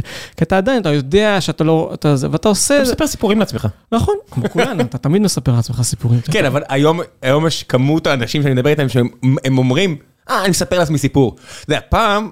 אנשים היום מספרים לעצמם סיפורים. מודעים לזה לפחות. כן, אבל המודעות הייתה אפס, אתה יודע, אומרים, אה, באמת יש אלוהים, ובאמת ככה. עכשיו, אני מספר לעצמי סיפור. לא, אבל אנחנו, כדי לחיות, אנחנו גם לא יכולים כל הזמן להטיל ספק. כאילו... זה מתיש. זה, זה בלתי אפשרי, אתה, חי, אתה חייב לקבל הסכיומות כמשהו טבעי, אחרת אתה באמת לא, זה לא, לא פונקציונלי, לא נורא קשה לתפקד אחרת. נכון, אז אתה, אז, אז, אז אתה בוחר מה, במה אתה נלחם, במה אתה... highly functional philosophers לעומת low functioning philosophers.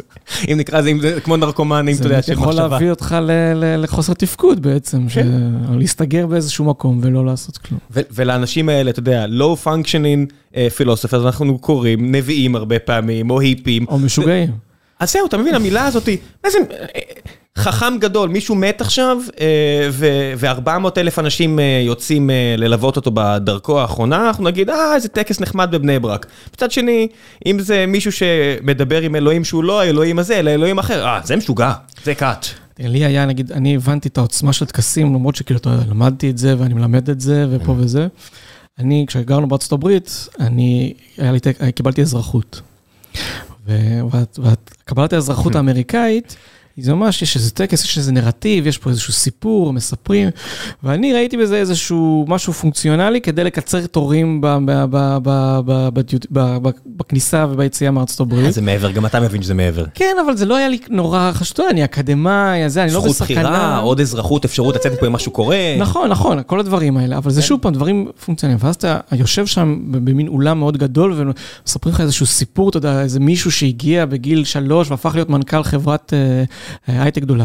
ואתה רואה סביבך אנשים שזה משנה חיים. ואתה מבין שהטקס הזה, שכמה שאתה ציני אליו וכמה שאתה זה, לטקס הזה יש מאוד, יש המון משמעות בשבילם. ואתה מבין, גם אם אתה ציני כלפי התהליך, אתה מבין שטקסים הם מאוד מאוד חזקים ויש להם חשיבות מאוד גדולה לדרך שבה אנחנו חיים. פריבילגיה ממסמסת, זאת אומרת, הרבה פעמים טקסים באים אה, לגשר על אה, מחסור. זאת אומרת, כש... יש לך שפע של הכל, צריך הרבה פחות טקסים. אני אתן לך דוגמה. כן. בספורט. כשמתחיל משחק בליגת האלופות, כן. יש מוזיקה מסוימת. אוקיי. אוקיי? אם אתה אוהד של ריאל מדריד, אתה שומע את זה 16-14 פעמים בשנה. כל שנה, לעד. אם אתה אוהד של הפועל באר שבע, שמעת את זה פעם אחת, ואולי יותר אף פעם לא תשמע את זה. הפעם אחת ששמעת את זה באיצטדיון של הפועל באר שבע, בטרנר, או לא משנה, נגד, אפילו לא הגעת, זה היה במשחק על העלייה, אתה לא תשכח את הרגע הזה. נכון. זה פריבילגיה, לעומת זה, זה, זה אותו טקס, אותו מנגינה שבתחילת כל משחק, אבל. זה, זה ההבדל. המשמעות היא מאוד... אה, ותחשוב על זה, על. על אוכל או על שפע חומרי, זאת אומרת, מי שמגיע מסרי לנקה ואין לו כלום, והוא מגיע לארץ האפשרויות הבלתי מוגבלות, היכן שהוא מסתכל ורואה סופרים מלאים ואין מלחמת אזרחים, ואומרים לו, עכשיו אתה חלק מזה, אי אפשר לגרש אותך יותר. נכון. זה גם, השפע הזה זה גם שפע של חופש.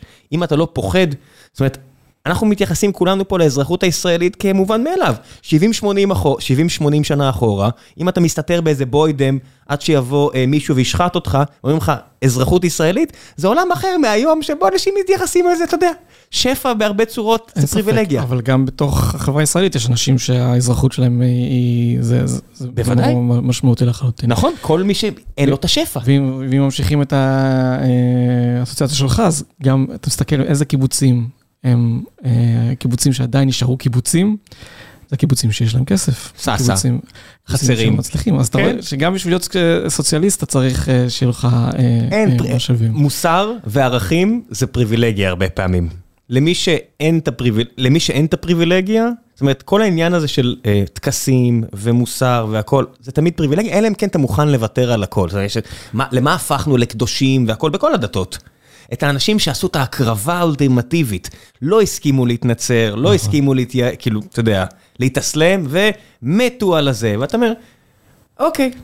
זאת אומרת, אני, אני מבין את האתוס. אבל היום, היום, אולי, אולי ביום התרבות שלנו יש לנו קדושים אחרים, שאנחנו מקדשים אנשים אחרים, מדענים או יזמי הייטק, או, או כל מיני טכנולוגים אה, פורצי דרך. ויש הרבה אנשים שמצרים על כך, נכון, שמי שלא, נכון. שלא קדוש, מי שלא סמל, זה לא הרועי קליינים שקפצו על רימון או כאלה, אלא אנשים שסך הכל הפעולות שלהם הן פעולות רציונליות ש, שעזרו. ויש שיגידו שדווקא זה מראה דווקא... מה זה יש שיגידו? רוב, אני מניח, רוב האנשים שמאזינים לפודקאסט הזה יבינו, אה, אולי לפודקאסט הזה, אבל לא יודע אם רוב. החברה הישראלית. בוודאי, אבל אתה תסתכל על רוב, גם אז- תסתכל, אז אם ממשיכים רגע את את הדיון על פריבילגיות, אז אה, נגיד, אחד הדברים שאותי נורא מעסיקים זה כל נושא הסביבה. אה, והרבה הרבה פעמים הטענה שהסביבה זה התעסקות של פריבילגים, כי יש דברים יותר חשובים. תעסק, אתה יודע, מי ש... שוב פעם, מי שלא יכול לסגור את החודש, או מי שלא, אה, אה, הוא מאוים בזה שהוא מגורש, או משהו כזה, אז סוגיות של סביבה, זה, הם פחות משמעותיות. ובתפיסה שלי, לא בגלל שאני אקטיביסט סביבתי, כי, כי אני לא, בניגוד להרבה מאוד קולגות שלי שהגיעו לחקר של יחסי חברה סביבה, מגיעים מתוך פעולה סביבתית ואז הופכים להיות חוקרים, אני מגיע מתוך אנתרופולוגיה, סוציולוגיה, שמסתכלים על... על תופעה מרתקת, אבל ככל שהתעמקתי בעסק הזה, אתה מבין שאי אפשר להבין, מבחינתי, אי אפשר להבין חברה או תרבות בלי להבין את היחס שלה אל הסביבה. בטח אנחנו עצבנים כי חם פה, לא רק במובן האקלימי, לא. למרות שיש אני לא טענות, צוחק בכלל. יש הרבה מאוד טענות, אתה יודע, אם, זה, אה, אה, יש, מו- אה, אפשר להתווכח על זה, אבל בין אה, אקלים חם לבין אלימות, לבין אה, כל מיני, יש גם, דברים גם כאלה. מאוד קר. פשוט אקלים שהוא לא, אתה יודע, ניו יורקרים לעומת סן פרנסיסקו.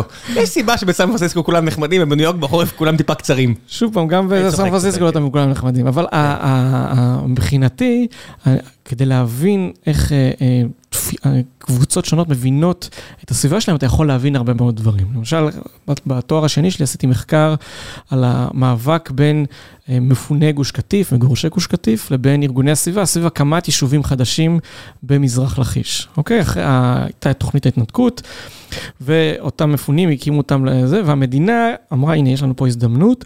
היו נקודות יישוב לאורך, אה, מזרחית לקריית אה, גת, שהם רצו ליישב כבר הרבה זמן, אבל לא הצליחו, על קו התפר, ליד קיבוץ, אה, ליד מושב לכיש. אה, אמרו, הנה בואו עכשיו נקים את היישובים האלה, וארגוני הסביבה מאוד התנגדו לזה, כי מבחינתם זה אה, פגיעה במגוון ביולוגי, במסדרונות אקולוגיים, בשטחים הפתוחים וכו' וכו'. אני, שוב, אני באתי, רציתי לעשות מחקר על הפוליטיקה של מוסדות התכנון. ואיך בתוך המאבק בין ה... הם יסגרו את זה בעיתונות, את התופעה, את המאבק הזה בין הירוקים מול הכתומים, ועשה אה, צבעים טובים. כן, זה היה נחמד, אז ההתנתקות מול, ה... מול סביבה וכאלה. אה, אבל כשבאתי, אז אני, זו, זו השאלה שאיתה באתי, כן. וכשהתחלתי לדבר עם שתי הקבוצות האלה, גם עם המפונים וגם עם ארגוני הסביבה, אנשי ארגוני הסביבה, פתאום שתיהם אמרו לי, לא העסיק אותם המאבקים בתוך מוסדות התכנון, מה שהעסיק אותם זה שהם בעצם הירוקים האמיתיים, הם שומרי הסביבה האמיתיים. בטח, זה כמו כל מי שצד בארצות הברית, שאומר, אנחנו שומרים על הטבע, אתם העירונים שבחיים לא ראיתם אייל, אתם לא מבינים שאנחנו מביאים את הכסף עם הדוגטקס האלה. אז המפונים, כן. המתנחלים, המגורשים אמרו, אנחנו מטיילים, תסתכל מי מטייל בארץ, תראה. מי פורץ שבילים לאופניים? מי, אה, אנחנו נוטעים. שנטיות זה דבר, זה... מכירים כל אבן, כל מעיין. יוצרים את הטבע, ואנחנו, ההתיישבות, עצם זה שאנחנו קרובים לטבע, מול אלה התל אביבים האלה, אז אנחנו... בוודאי. כשאתה מדבר עם ארגוני הסביבה, אתה אומר ששלושת הפרקטיקות האלה, שלושת הפעולות האלה, הם מבחינתם, הפגיעה בטבע, טיול זה חשוב, אבל אם על הטפח, אם זה לפגוע בפרפר הנדיר או בפרח הנדיר, אז כמובן שעדיף לא לטייל. נטיות עצים היום זה מאוד בעייתי, בטח אם אתה נוטע עצים כמו אורן או כאלה שהם לא ילידיים או פה וזה, אז זה, זה פגיעה בסביבה. ועצם ההתיישבות, להקים יישוב בלב השטח פתוח, כאילו זה... תמיד, אנחנו תמיד חוזרים פה להגדרות של מה זה טבע, מה זה טבעי. לחלוטין, ואז אתה מבין כן. שיש פה פרשנות שונה, שתי הקבוצות האלה תופסות את, שתיהן רואות עצמם כאוהבי טבע, אבל מה זה טבע, מבחינתם זה משהו שונה. שונה. הם מגדירים את השמירה על הטבע ואת הטבע עצמו כמשהו שונה. עכשיו, מבחינת למשל אקולוגים ואנשי ארגוני הסביבה, אין פה שאלה בכלל, הדרך שלהם, זה הדרך לראות, הדרך הנכונה להבין את הסביבה. ומה שהם אומרים... מי זה, זה הם במקרה הזה? הם המפונים, המתיישבים, פה וזה, זה תפיסה ישנה של פעם, של ציונות של פעם. הם הם, הם גם רואים את עצמם, חלק מארגוני הסביבה גם רואים את עצמם כציונות החדשה. אם פעם היה להקים יישוב, חומה או מגדל וכאלה, זה היה הציונות. היום, לשמור על השטחים הפתוחים ולהימנע מלהקים יישובים בלב השטחים הפתוחים, זה הציונות. אז אתה רואה שדרך... התפיסות שלהם, של מה זה סביבה ומה זה יותר, אתה יכול לגלות תפיסות שלמות על איך צריך, איך יש פה גם הרבה פוליטיקה. תמיד המון. יש פוליטיקה. כן, זה... אין, מבחינתי, כן. אין דבר כזה שאין פוליטיקה. פוליטיקה היא אינהרנטית בתוך היחס שלנו לטבע. כבר דיברנו על זה ש... אני קורא הרבה את אה, ירון רוזנטל, שיש לו את הבית ספר שדה בדרום החברון. בגוש עציון. כן, בגוש עציון, והוא, אתה יודע, הם... בונים ועושים והכל, ואז באים אנשים ואומרים, לא, אסור לכם וככה נלחמים, ואז, אתה יודע, הם מסתכלים מעבר לכביש ורואים פלסטינאים או ערבים, פשוט באים ולוקחים את, את הכל, והוא אומר, למה להם אתם לא אומרים? אה, זה לא עסק שלנו. מצד אחד, אתה אומר, כן. הנה, זה צביעות. מצד לא, שני... לא, אני לא אומר צביעות, לא, אני אומר אפילו על הפונקציית מטרה, מה חשוב לך באמת פה? מצד שני, אתה אומר, אני בתור פעיל סביבה, נגיד, אני, זה פשוט התשובות כן. שפעילי הסביבה עונים על התשובות האלה, אני לא יכול להשפיע כרגע מה קורה ברשות או במקומות אחרים, אני יכול להשפיע על המדינה שלי, ולכן אני אלחם על נגד uh, זה שאנשי גוש קטיף יעשו את... ואפילו ההגדרה uh... הזו, המדינה. הם מסתכלים ראשון על ארץ. אני מסתכל נגיד על מדינה. המדינה, מבחינת מי שמעדיף או חושב שהפתרון הכי טוב הבר קיימא הוא הפרדה, המדינה נעצרת טיפה בקריית גת, קריית גת ולא בחברון, או בדרום החברון. אבל אם אין לך יפ... הגדרות, אתה לא יכול לדבר, ברגע שאתה אומר מפונים מגורשים, או המדינה שלי, אני אומר, אוקיי, what is your מדינה? איפה אתה שם את הגבול? הערבה זה בתוך המדינה שלך? אם אתה שואל אותי, קל מאוד, גבולות 48, קל מאוד, אני, זה משהו שאני מרגיש שאפשר להילחם עליו, אתה יודע. יותר גבולות 67, אבל... אה, בין 48 ל-67. גם ההגדרה של 67. 67 נכון. אוגוסט או 67 אפריל? איזה 67 אתה מדבר? אז נגיד, מבחינת נגיד... 66, הכי קל להגיד 66. חלק מאנשי הערבה רואים את עצמם הרבה פעמים מחוץ לגבולות, אה, לא, לא, לא, לא דווקא על, על, על הקו תבר הזה של 67, של הקו הירוק, כן. אלא מבחינת שהחוקים... או זה, לא תמיד חלים אה, גם פה. עזוב, אה, מצפונית לבאר שבע, אם אה, תסתובב עם קלצ'ניקוב או M16 ותירה באוויר, החוק תלוי בשם משפחה שלך.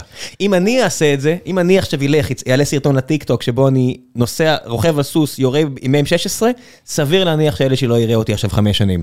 אם השם שלי הוא אחר... אבל זה עובדה. זאת אומרת, אני יכול להראות לך סרטון טיקטוק של בן אדם, קח, תסתכל, לשוטר, והוא יסתכל עליי ויגיד, מעניין, אני יכול לארח פה את עומר בר-לב, אם הוא יסכים להגיע, ולהראות, קח, תסתכל, הנה הטיקטוק, הנה הבן אדם, הוא מזדהה בפרצוף שלו. אבל מצד שני, אתה... אני... אבל יש הרבה מאוד, אתה רואה, יש הרבה מאוד, נגיד, כניסה של משטרה לתוך הרבה, כאילו... יש, אבל... והריסות של נכון, בתים. אבל אם אני אראה את הפרצוף הזה, פרצוף לבן אדם. הבן אדם שעכשיו אה, רצח, ברח לי השם, אבל רצח אותה אה, והסתיר את הגופה ועכשיו הוא בכלא. הוא העלה סרטון טיק טוק שלו, נכנס לסוס, נכון. אם אני אעשה את זה, בבירור, בבירור, אין, יש אפס סיכוי שאני לא אהיה בכלא תוך שבוע. שגם פה אני חושב שאם, נגיד יש, אה, אתה רואה, אה, לא ממש זמן, ס- סביב הסוגיה של הלינץ' שהיה עכשיו, בוודאי. הזה, אז יש פה, אבל- אם זה אה, פל- אה, מתנחלים שעושים את זה, נכון, או נכון, פלסט- נכון. דווקא את הפלסטינים, אתה רק כן מחזק את מה שאני אומר. שהחוק בגבולות המדינה הוא לא מדינה, זה כבר, גם זה כבר לא אין קיים. ספק, אין ספק. ו- ה- האיפה ואיפה היא לכל מקום. אני מסכים לחלוטין, אה, ולכן אני חושב שיש פה הרבה מאוד אלמנטים פוליטיים אה, שמשחקים, כל הפוליטיקה מכל מיני אה, רמות. גם, שוב פעם, כמו שאמרנו, גם השימוש הפוליטי היום ב- ב- בטבע, באזורים שמותר לנטוע ואסור לנטוע, או איפה, אם אתה נוסע צפונית לבאר שבע, ואתה רואה כל מיני... פתאום צצו כל מיני יערות. אה, יער יתיר? גם יאיר לא יתיר תלוי. למשל. לא, גם מעבר, אבל, אבל למה הקימו שם אה, אה, יערות? חלק גדול זה כדי ש... אה, זה אדמות מדינה, או לפחות שהמדינה טוענת שזה אדמות מדינה, אז... אה, להגביל, עזוב, אין פה, זה הכל קשקושים של, של ציונות שהיא לא מודעת לציונותה. אני חושב שהיא מאוד דבר- מודעת לציונות. לא, אני לא, אני חושב שמי שעשה את זה. במקור, האדם שעשה את זה במקור היה מודע. אני חושב שגם היום, היערות האלה, הם נוטעים אותם בצורה מאוד ברורה, כדי... להגביל אה, אה, התפשטות של שבטים בדואים, כן. נכון, אז זה מאוד לא מודעים. ל... כן, אבל לא יגידו את זה, יגידו "טיב- טבע, לטייל, שזה נכון, גם נכון, נכון. אבל אף אחד לא יגיד, היי חבר'ה, אנחנו מנסים להגביל פה את ההתפשטות של שבטים, כי אנחנו לא טובים בלשים... אה, כשאתה מראיין את האנשים, אז חלקם אומרים את זה בצורה מאוד מפורשת. בסדר, גם כשהייתי מדבר עם איילת שקד שעבדתי איתה, היא אמרה לי משהו אחד, ועשר שנים אחרי זה היא תגיד משהו אחר לתקשורת. הכל בסדר, ככה זה, כולנו כאלה. נכון. בתוך ה-inner voice שלנו, גם במערכת הזוגית שלנו, שאנחנו רבים, יש משהו ב-inner voice שלנו שאומר, ויש מה שיוצא לנו מהפה. ברור. אנחנו מקווים. לא, עזוב לא- מקווה. לא צריך להגיד הכל. זה בדיוק הנקודה, אבל כמעט... אתה מבין, זה, גם העניין של על מה אתה רוצה לשפוט. על מה שהבן אדם אומר בין חברים, על מה שהוא עושה, על מה שהוא אומר בטעות ונפלט החוצה. זה, זה הולך ונהיה יותר ויותר מורכב העניין הזה של בני אדם. נכון, אז ואני, ואני, המורכבות של בני אדם, מבחינתי האנתרופולוגיה זה אחד הכלים היותר משמעותיים, לנסות להבין את זה, או לפחות לנסות להקיף את זה ולתאר את זה. כן. אה, בצורת איזשהו, אה, הרבה פעמים אנחנו לוקחים את כל החומרים שאנחנו עושים, ואנחנו איזשהו מספרים סיפור על אנשים, ויש אנשים, וכמו שאתה מוציא מפה אה, בכל הרעיונות שלך, לאנשים יש סיפורים מרתקים. כולנו. וזה, אה, בעיניי, זה, אה, זה משהו מדהים. ולכן, אחד הדברים המשמעותיים מבחינתי שאני עושה, זה אה, אה, שאני רוצה שעוד אנשים יכירו את, את האנתרופולוגיה ואת המחקרים האנתרופולוגיים שנעשים. תספר קצת על הקבוצה אולי. וזה, מה? תספר קצת על הקבוצה. אז באמת הקם לפני, ב-2013 בערך, אה, הקמתי דף פייסבוק, זה לא קבוצה, זה דף, יש גם קבוצה כזאת, שנקרא אה, בחברת האדם. אה, ושם התחלתי לשתף, בחברת האדם, אנתרופולוגיה בישראל ובעולם. היום אנחנו עומדים על משהו, על יותר מ-9,000 אה, עוקבים, יש לנו גם אתר, יש אה, טוויטר, יש אה, קהילה בפייסבוק. איך נקרא חשבון טוויטר? אה, בחברת האדם, זה השם. אה, ובינתיים זה, זה, זה אני ושני סטודנטים אה, שעוזרים לי, אבל אה, אה, זה כבר הפך להיות משהו מאוד דומיננטי בתוך האנתרופולוגיה. מה שאנחנו עושים, אנחנו לוקחים, גם משתפים חומרים אה, שפורסמו בתקשורת, בתקשורת או בכל מקומות אחרים, ומשתפים את זה בתוך קונטקסט רלוונטי לאנתרופולוגיה, אבל גם הרבה מאוד אנשים כבר כותבים לנו דברים אה, ספציפיים, אם זה על המחקרים שהם עשו, ואז הם מנסים לכתוב על המחקר שהם פורסם, שוב, כמו שדיברנו, באיזה כתב עת, שאיזה ארבעה אנשים קוראים אותו, אז הם עכשיו מנסים לכתוב את המחקר שלהם בצורה קצת יותר אה, מובנת, אה, או לפחות חלק מהמחקר, שעוד אנשים יבינו איפה עובר ויסתכלו על הקו? נגיד לואי טרו כזה, שמוציא אה, אה, טלוויזיה שמצד אחד היא מאוד נגישה, מאוד מבדרת, מצד שני, היא מוציאה הרבה אמוציות. זאת אומרת, זה לא... אה, זה לא בורת. אני לא עובד על... הוא לא עובד על אף אחד, הוא לא נכון. משקר, הוא לא מנסה להגחיך. הוא פשוט מראה את הבן אדם. בטח יאשימו אותי שאני טועה וזה, והוא כן עושה את זה, אבל... זה עריכה וכו'. נכון, נכון, בוודאי שאני טועה, אבל... תמיד עושים אבל מניפולציה. זה רמת... בעיניי, כשאני רואה את זה, תמיד אמרתי, בוא'נה, זו יצירה אנתרופולוגית מדהימה, הדבר הזה. איפה זה היה לחברה ישראלית? צריך לעשות לואי טרור ישראלי. אז הרבה מאוד מהמחקרים האנתרופולוגיים הם, הם, לא, הם, הם לא נעימים, הם לא, הם לא באים לבדר. אה, ויש לי קולגה שחקר אה, איך מתייחסים לרופאים אה, פלסטינאים ישראלים בבתי חולים. ו... ומראה את כאילו את כל הגזענות, גם של, הר... גם של הקולגות שלהם, אבל גם של המערכת אם בדרך כלל רוב, זה הולך להיפטר. אבל עדיין, כן. עדיין, ו... ויש איזו אמירה מאוד יפה שהוא מצטט במאמרים שלו, שהוא היה צריך לבקש רשות כדי להיכנס לתוך הבתי חולים, כדי להיות עם האנשים במחלקה, ואז איזה אחד הדוברים או משהו כזה אמר למנהל מחלקה, מה אתה דפוק, כאילו, אין, אין ש... שום דבר טוב לא יצא לך אם תכניס אנתרופולוג לתוך המערכת שלך. ויש עם זה משהו, כי אנתרופולוג, סביר להניח, יראה את יחסי הכוח, יראה את הדינמיקות של זה, שלא תמיד זה נעים ופה וזה. כן, זה כמו ששוטרים לא אוהבים את מח"ש, ואני בטוח שהצבא לא אוהב עיתונאים. כן, לא, לא צריך להשוות. למה לא? כי המטרה פה, אתה לא, לא אמור, אה, אנחנו לא מוצאים אשמים. גם לא מח"ש, רק אה, חוקרים. אם מישהו עשה, אבל זה נכון. בדיוק הנקודה, אתה מבין? המחשבה הקרימינלית היא...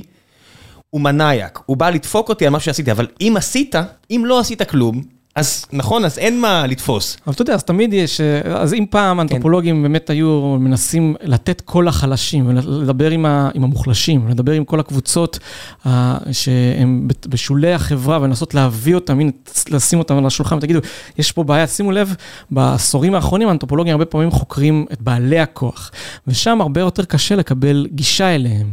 בנקאים פחות יס, אה, ישמחו לתת לך אה, כניסה לתוך כל הישיבות אה, שלהם. וגם הם מספרים בעצם סיפורים. ברור, תמיד, תמיד, בטח פוליטיקאים או פקידים. אנחנו שומרים על הכסף שלך, אתה לא יודע? לחלוטין, ואז אנתרופולוג בא והוא יפרק אולי חלק מהסיפורים האלה, או יחשוף כן. חלק מהדברים הטבעיים האלה שהם הם, הם פחות טבעיים, הם כן מעשה אדם. אבל זה שום דבר לא טבעי, הכל יש... זה בני אדם. נכון, אבל... ואתה יודע, זה גם הרבה פעמים, יש תגובות לאנתרופולוגיה שאומרים, אה, נו, זה ברור מאליו מה שהם הם, הם כותבים. אבל עצם זה שאתה שם ואתה מראה את הדברים, ואתה מראה איך הדברים האלה, איך בפועל, מה הדינמיקה שקורית שם בפועל, לדעתי זה מרתק, ולדעתי מבחינת זה האנתרופולוגיה היא מאוד משמעותית. ואני עושה הרבה מאוד מאמצים, אה, ושוב פעם, אה, דיברנו על דירוגים ופה וזה, אז אה, בתור מישהו שהוא חבר סגל עדיין לפני קביעות, אני רק שנתיים אה, חבר סגל, אה, אז זה משהו שהרבה מאוד יגידו, אתה מבזבז את הזמן שלך, אתה לא עושה את הדברים החשובים, שזה לפרסם במקומות הטובים, להשיג במענקי מחקר, דברים כאלה. ואני ממש מנסה, לא רק אני, כן, יש עוד אנשים שעושים את זה, מנסים להילחם על, על, על הרעיון הזה של הנגשת מדע. עצם זה שנגיד פרסום בעברית, בהרבה דיסציפלינות במדעי החברה והרוח, הוא לא רלוונטי, הוא לא נספר לך בקידום, כלומר, בדברים שאתה צריך לעשות כדי... אה, ואני אומר, אנחנו עובדים בחברה הישראלית, אנחנו חלק, אנחנו אנחנו בעצם במגזר הציבורי, משלמים לנו את המשכורת על ידי אזרחי ישראל. מבחינתי, חלק גדול מהמחויבות שלי זה להחזיר את המחקר הזה, לא רק לקהילה שאותה חקרתי, וזה למשל הספר הזה שכתבתי, שכתבתי במיוחד, שאנשים גם בערבה, אבל גם אנשים אחרים שמתעסקים בתחומים האלה של סביבה וחברה, אה, הסתכלו אליהם, אלא אה, בכלל כל אנשים, מישהו בישראל, שיקראו את הדברים האלה, ולדעתי, אם עכשיו נגיד אה, קורה איזושהי תופעה, מי יביאו לטלוויזיה? יביאו פסיכולוגים, אה, מדעני מדינה במקרים מסוימים, וכמובן משפטנים וכלכלנים. אתה, אתה, אתה חי במציאות שבה אין את אבישי בן חיים שמדבר על אנתרופולוגיה, סוציולוגיה, לא. פשוט מעקם לה את הצורה? בדיוק, אז, ויש אנשים שלוקחים את כל התיאוריות האלה. או, ו... מה זה אנשים? יש עוד כל מיני... לא, אבל אני אומר, הנה דוגמה. נכון. לקחת רעיון שהוא מתזה ביקורתית. שזה חלק מהסכנות, כלומר, יש כן. סכנות בהנגשת המדע הזה. לא, יש סכנות בכך שאם אתה פופוליסט ואתה מוכן להשטיח את כל המציאות לטובת התיאוריה שלך. אבל שוב פעם, התחלנו לדבר על יובל נוח הררי, מה הגבול בין השטחיות או איך מנסה להפוך את זה לפופולרי, לבין איך אתה עדיין מנסה לשמור את המורכבות, עדיין מנסה, וזה מתח שהוא לא פשוט, ואני לא, לא תמיד יודע, ואני לא בטוח שאני יודע לעשות את זה. כי נגיד, לי מאוד קשה לבוא לדבר על המחקרים שלי בתקשורת. מזמינים אותי, אתה יודע, אני עכשיו, אתה יודע, מתחילים להזמין אותי, היי, אה, אנחנו יודעים שיש איזשהו משהו, יצא איזה משהו באו"ם על הטבע פה וזה, אתה יכול לדבר על זה? עכשיו, זה לא תחומים שלי. ויש לך שתי דקות. זה לא תחומים שלי, לא, לא חקרתי את זה. אני כן. יכול להגג משהו על הדברים האלה, אבל מבחינתי, אתה יודע, אני חקרתי משהו ספציפי, אז מאוד קשה לי לעשות את זה, אבל אני חייבים. אנחנו חייבים לצאת לתקשורת ולדבר על התחומים שלנו, כי יש לנו מה לתרום. ומבחינתי זה משהו שאני מנסה לקדם את זה, גם בחברת האדם וגם במקומות אחרים, כי לדעתי אנחנו לא יכולים להסתגר במגדל השם, חייבים לצאת גם לתקשורת וגם לציבור במגוון דרכים, כדי שגם ידעו מה אנחנו עושים, אבל גם, כי למחקרים שלנו יש משמעות, ויש, ולדעתי יש אה, חשיבות לחברה הישראלית, וחשוב מאוד שהם ידעו את זה. כן, היום, היום גם היכולת להפיץ ידע קלה יותר מאי פעם, למרות שיש כל כך הרבה תחרות על, על התשומת לב, ועדיין אתה רואה שזה אפשרי. זאת אומרת, פעם לא היה אפשרי, זאת אומרת, מן הסתם עד גוטנברג לא היה אפשרי, כי לא היה מכנית איך לעשות את זה, ואז אינטרנט, לא היה אינטרנט, עכשיו לכולם יש אינטרנט, אבל אני רואה למשל בשדות האלה של טוויטר, ואני לא בטיקטוק, אבל מן הסתם גם שם. אומרים שם, כן. כן, לא, בסדר, אני... מתי שאנחנו נצטרך... לא, בגלל שאני עובד ליד ואני עובד פה, אז אני מן הסתם חשוף למספרים, אז זה בהחלט שם. אבל אתה רואה למשל חוקרים רציניים, מכל הכיוונים. מגיעים לטוויטר ומקדישים את התשומת לב, נכון. ואנשים קוראים את זה במספרים גדולים. עכשיו, כמה אתה באמת מגיע, שהם רק גוללים? והם עושים את זה, בארצות הברית זה יותר מקובל, שזה כבר נחשב כחלק שמה שאתה צריך לעשות. אבל בישראל, הרבה פעמים יסתכלו עליך, כאילו אתה מבזבז את הזמן שלך, אתה לא עושה את הדברים החשובים. ובעיניי... כי מי שקובע לא שם. ומי שקובע לא מבין את החשיבות של זה. לא, מי שקובע לא שם. נכון. אם הוא שם, יכול להיות. אז זהו, אז להפך, הוא ייתן לזה משקל יותר מדי גדול. יכול להיות שזה עניין דורי גם. כן, אתה יודע, אתה רואה פוליטיקאים שכן שם, לעומת לא שם, מי ששם נותן לזה תשומת לב יותר מדי גדולה, כי בסופו של דבר זה שטות, זה תחרות פופולריות, הרבה מקרים, ומי שלא שם לא ייתן לזה בכלל, כאילו זה לא קיים, ועדיין יחשוב, אוי, לא, מה אני אגיד בתוכנית הזאת שצפו בה 5,000 אנשים בטלוויזיה? אז כמובן שזה לא הכל, ואתה עדיין צריך לעשות מחקר, מבחינתנו, אתה עדיין צריך לעשות מחקר ומחקר טוב, אבל אני חושב שהמשקל של לעבור את זה לציבור, אני חושב שהוא עדיין צריך להיות הרבה יותר גדול ומשמעותי, ואני מנסה, שוב פעם, זה הכל חשבוני ועל הזמני, ואני חושב שאנחנו מנסים שם, וגם אנשים בתוך השדה, לא רק באנתרופולוגיה, כבר רואים בחברת האדם כמשהו שהוא כבר הפך להיות מאוד מרכזי לשדה, ואנשים כבר, שמפרסמים משהו, פונים אליי, מפרופסורים ואחרים, אומרים, לירון, אנחנו רוצים שאם אפשר לפרסם הלאה מה שאנחנו עשינו, הנה תראה משהו, כי, כי כן רואים את החשיבות, ואני כן רואה את השינוי, את זה גם אצל אנשים, פרופסורים בכירים ומבוגרים, כן רואים את החשיבות של זה. עדיין, זה מאוד מפחיד, וזה מאוד, אה, אה, אה, אנשים מרגישים שזה מסוכן, גם פוליטית. כלומר, עצם זה שאתה, ואמרנו שאנתרופולוגים הרבה פעמים מתעסקים בדברים נפיצים, שאתה בא ואתה אומר את הדבר, ההתקפה שאתה יכול לחטוף, גם ברשתות, אבל גם אם התראיינת, גם בוויינט או משהו כזה. זה בפרנסה שלך, בעבודה שלך. אז בפרנסה בדרך כלל לא, כי עד שאין לך קביעות אתה בסכנה. בדיוק, נכון, אבל ברגע שיש לך קביעות, עדיין, כי אני מאמין שעוד מעט יהיו גם ניסיונות לבטל את הקביעות, אבל... היו. יש מרצים בבן גוריון שניסו ועשו. היו ויהיו. אז מבחינתי, אני יכול להבין אנשים שמפחדים, אומרים למה לזה, הרי גם ככה זה מעבר למה שאני צריך לעשות, אני צריך... יש פה מרצה למתמטיקה שביטלו לו פרסים, כן? אז מן הסתם הוא דיבר לא על המחקר שלו, ברור כי הוא מתמטיקאי וביטלו לו פרסים, אז בוא, אתה יודע. לא, נכון, אבל יש פה סכנה גם, אתה יודע, גם התקפה אישית, כאילו, למה לך את זה? למה לך להיכנס לכל הלכלוך הזה והבלאגן הזה פה וזה? אני אומר, לא, אנחנו חייבים לקחת חלק מהמאבק על דמותה של החברה הישראלית. ולכן אני חושב, אפילו... ויכול להיות גם אנתרופולוגים ימניים ויכול להיות אנתרופולוגים שמאליים, אבל אני חושב שלאנתרופולוגיה יש המון המון מה לתת. גם בחיי היום-יום, סוף פעם, הפירוק כמובן מאליו הזה, אבל גם המחקרים האנתרופולוגיים שנעשים בארץ, לדעתי הם סופר רלוונטיים למה שקורה בחברה הישראלית, ואני חושב שזה צריך להיות חלק מזה. אני חושב שברגע שאתה מתחיל לעורר מחשבה, הרבה מאוד, לאדם החושב נורא קשה לשים לעשות בדיכוטומיה של ימין-שמאל, כי אתה יודע, שאתה פשוט קורא וקורא, אתה מבין שאו, זה לא, זה לא שחור ולבן כמו שחשבתי. אז כן, אז אתה, ברגע שאתה יוצא החוצה, אתה ממוטט את מה שאתה, אתה מתקפל, אתה יודע, זה כזה קריסת פונקציית מטרה כזו ל... אני זה, אני זה. כי בסוף אתה גם צריך לשים פתק ואתה מוציא איזושהי דעה. אבל ה-inner voice, אני מרגיש של הרבה מאוד אנשים, מתערער. כי, כי פשוט חושפים אותם, לשני הכיוונים, כן? כי פשוט חושפים אותם להרבה ידע שפעם לא היית חשוף אליו. כן, אבל עדיין יש פה הרבה מאוד אמונה והרבה מאוד שבטיות והרבה מאוד חלק מהתרבות. זה מה שיוצא, אבל אתה אז יושב עם בן אדם באחד על אחד ולא משנה עם מי, עד להכי למעלה ואתה מרגיש, וואו, זה לא שחור ולבן כמו שחשבת. זה נכון.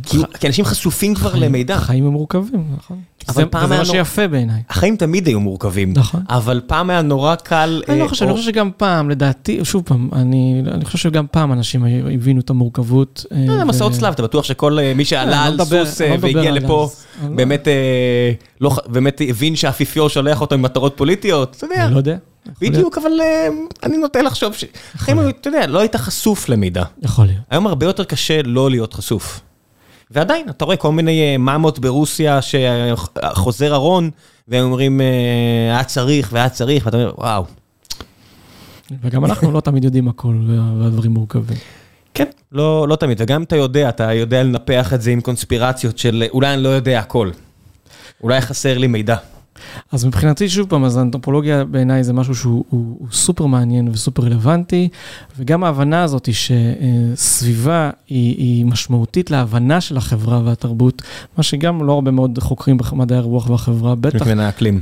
ובטח בנושא האקלים, אז רק לאחרונה במדעי החברה והרוח מתחילים להבין שאקלים וסביבה הם מאוד מאוד משמעותיים להבנה שלנו, אנחנו עדיין יחסית מיעוט, אבל אנחנו לאט לאט... גדלים, ואני מאמין שזה... לשמחתך או לצערך, אני לא בטוח עד כמה יהיה אפשר לטמון את הראש בחול. החול נורא חם כבר. זה נכון. קשה, קשה לשים את הראש בחול, הוא נורא נורא חם. או נורא קר, תלוי איפה אתם בעולם. או משתנה. או משתנה, הוא תמיד השתנה, עכשיו פשוט משתנה נורא מהר. כן. טוב, שלב אחרון, שלב ההמלצות. כל מה שבא לך, עשיתי פה רשימה של כל הדברים שאני אשים כלינקים, אני אשים על מוריס הילמן ולואי טרו וכל האלו. יאללה, תן קצת משלך. אז כמובן שאני ממליץ כמובן על הספר שלי. רשמתי, הספר שלך ובחברת האדם פייסבוק, בחברת האדם טוויטר, יהיה לינקים, אני מאוד מומלץ, כן. זה סבבה. עוד ספר שמי שמתעניין, למשל באנתרופולוגיה של איך אנחנו משתלבים עם הלא אנושי ועם הטבע ודברים כאלה, זה נקרא The Mushroom at the End of the World. של אנה צינג, אני יכול לשלוח לך קישור עם...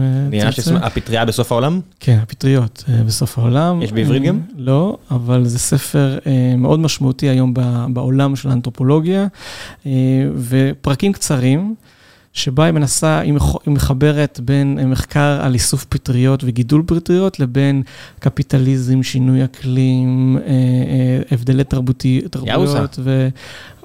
המון המון המון דברים, והיא עושה את זה בצורה מדהימה ומאוד נגישה, יחסית, זה קצת ספרותי מדי.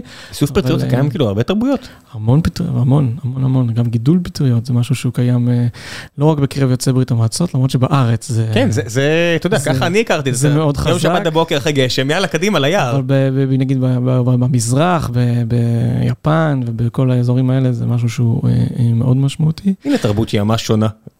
עוד ספר שכרגע אני לא זוכר את מי כתב אותו, אבל המצאת הטבע, ספר קצת גדול מדי, הוא בעברית, של חוקרת שכתבה בצורה מאוד יפה על אחד מחוקרי הטבע הראשונים והמשמעותיים, ספר שפותח חשוב פעם, פותח הרבה מאוד מחשבה ודברים כאלה, הוא קצת עמוס מדי, אבל הוא ממש מערך המון המון המון, איך כל החלוקה הזאת בין מה זה אקולוגיה ומה זה תרבות ולמה הם נפרדים ואיך מאוד מאוד מעניין, ממליץ בחום. אני כרגיל בפרקים כאלה אמליץ לכולם לקרוא את בני מוריס, כל דבר שהוא כתב. לראות למה אין שחור ולבן ולמה מה שלימדו אתכם לבגרות הוא הרבה פעמים קשקוש שעבר השטחה עם כוונה. זה נכון. לכל הכיוונים. צריך להגיד את האמת, גם אם אתם בטוחים שאתם מצביעי חדש ואתם בטוחים לכאן או לשם, לקרוא בני מוריס, המציאות fucked up. זה נכון. בני אדם זה ממש... אתה יודע, גם, מה אני אגיד בני אדם? גם בטבע אף אחד לא... הטבע לא נחמד. הרבה פעמים הטבע לא נחמד. תלוי למי, או איך אתה מגדיר נחמד, כמו שהתחלנו לדבר על זה, אבל כן, הוא לא מתכוון להיות נחמד. אני חושב שההגדרה של נחמד אפשר להגיע אליה יחסית בקלות, ואנחנו נגלה שהטבע לא נחמד. הוא לא, אין אלטרואיזם, אתה יודע, זה מצחיק, תמיד יש את המחקרים האלה. מצאנו קהילה קטנה של סוריקטות שהראו, הפגינו אלטרואיזם. אוקיי, וב-99.9999% מהדברים האחרים שראיתם אין אלטרואיזם, נכון? אוקיי, רק בודק. כן, אתה יודע, זה תמיד כזה מחקר כזה, מצאנו שבט, אתה יודע, שעושה ככה וככה, אוקיי, אבל בשאר המקרים לא. אבל מצד שני, גם, קיים. גם הדבר היוצא דופן יכול ללמד אותנו גם על, על השאר, וגם להראות לנו שזה לא הדרך היחידה, אולי היא נכון. מרובה, אבל היא לא היחידה. אה, להתנהג. וגם החיים באופן כללי בכדור הארץ התחילו ממשהו שהיה נורא נורא נדיר וקטן, והנה תראו, יש RNA ו-DNA ותראה יצא. זה נכון. ובשאר הכדור לא היה כזה. תודה רבה רבה. שמחה. ביי ביי.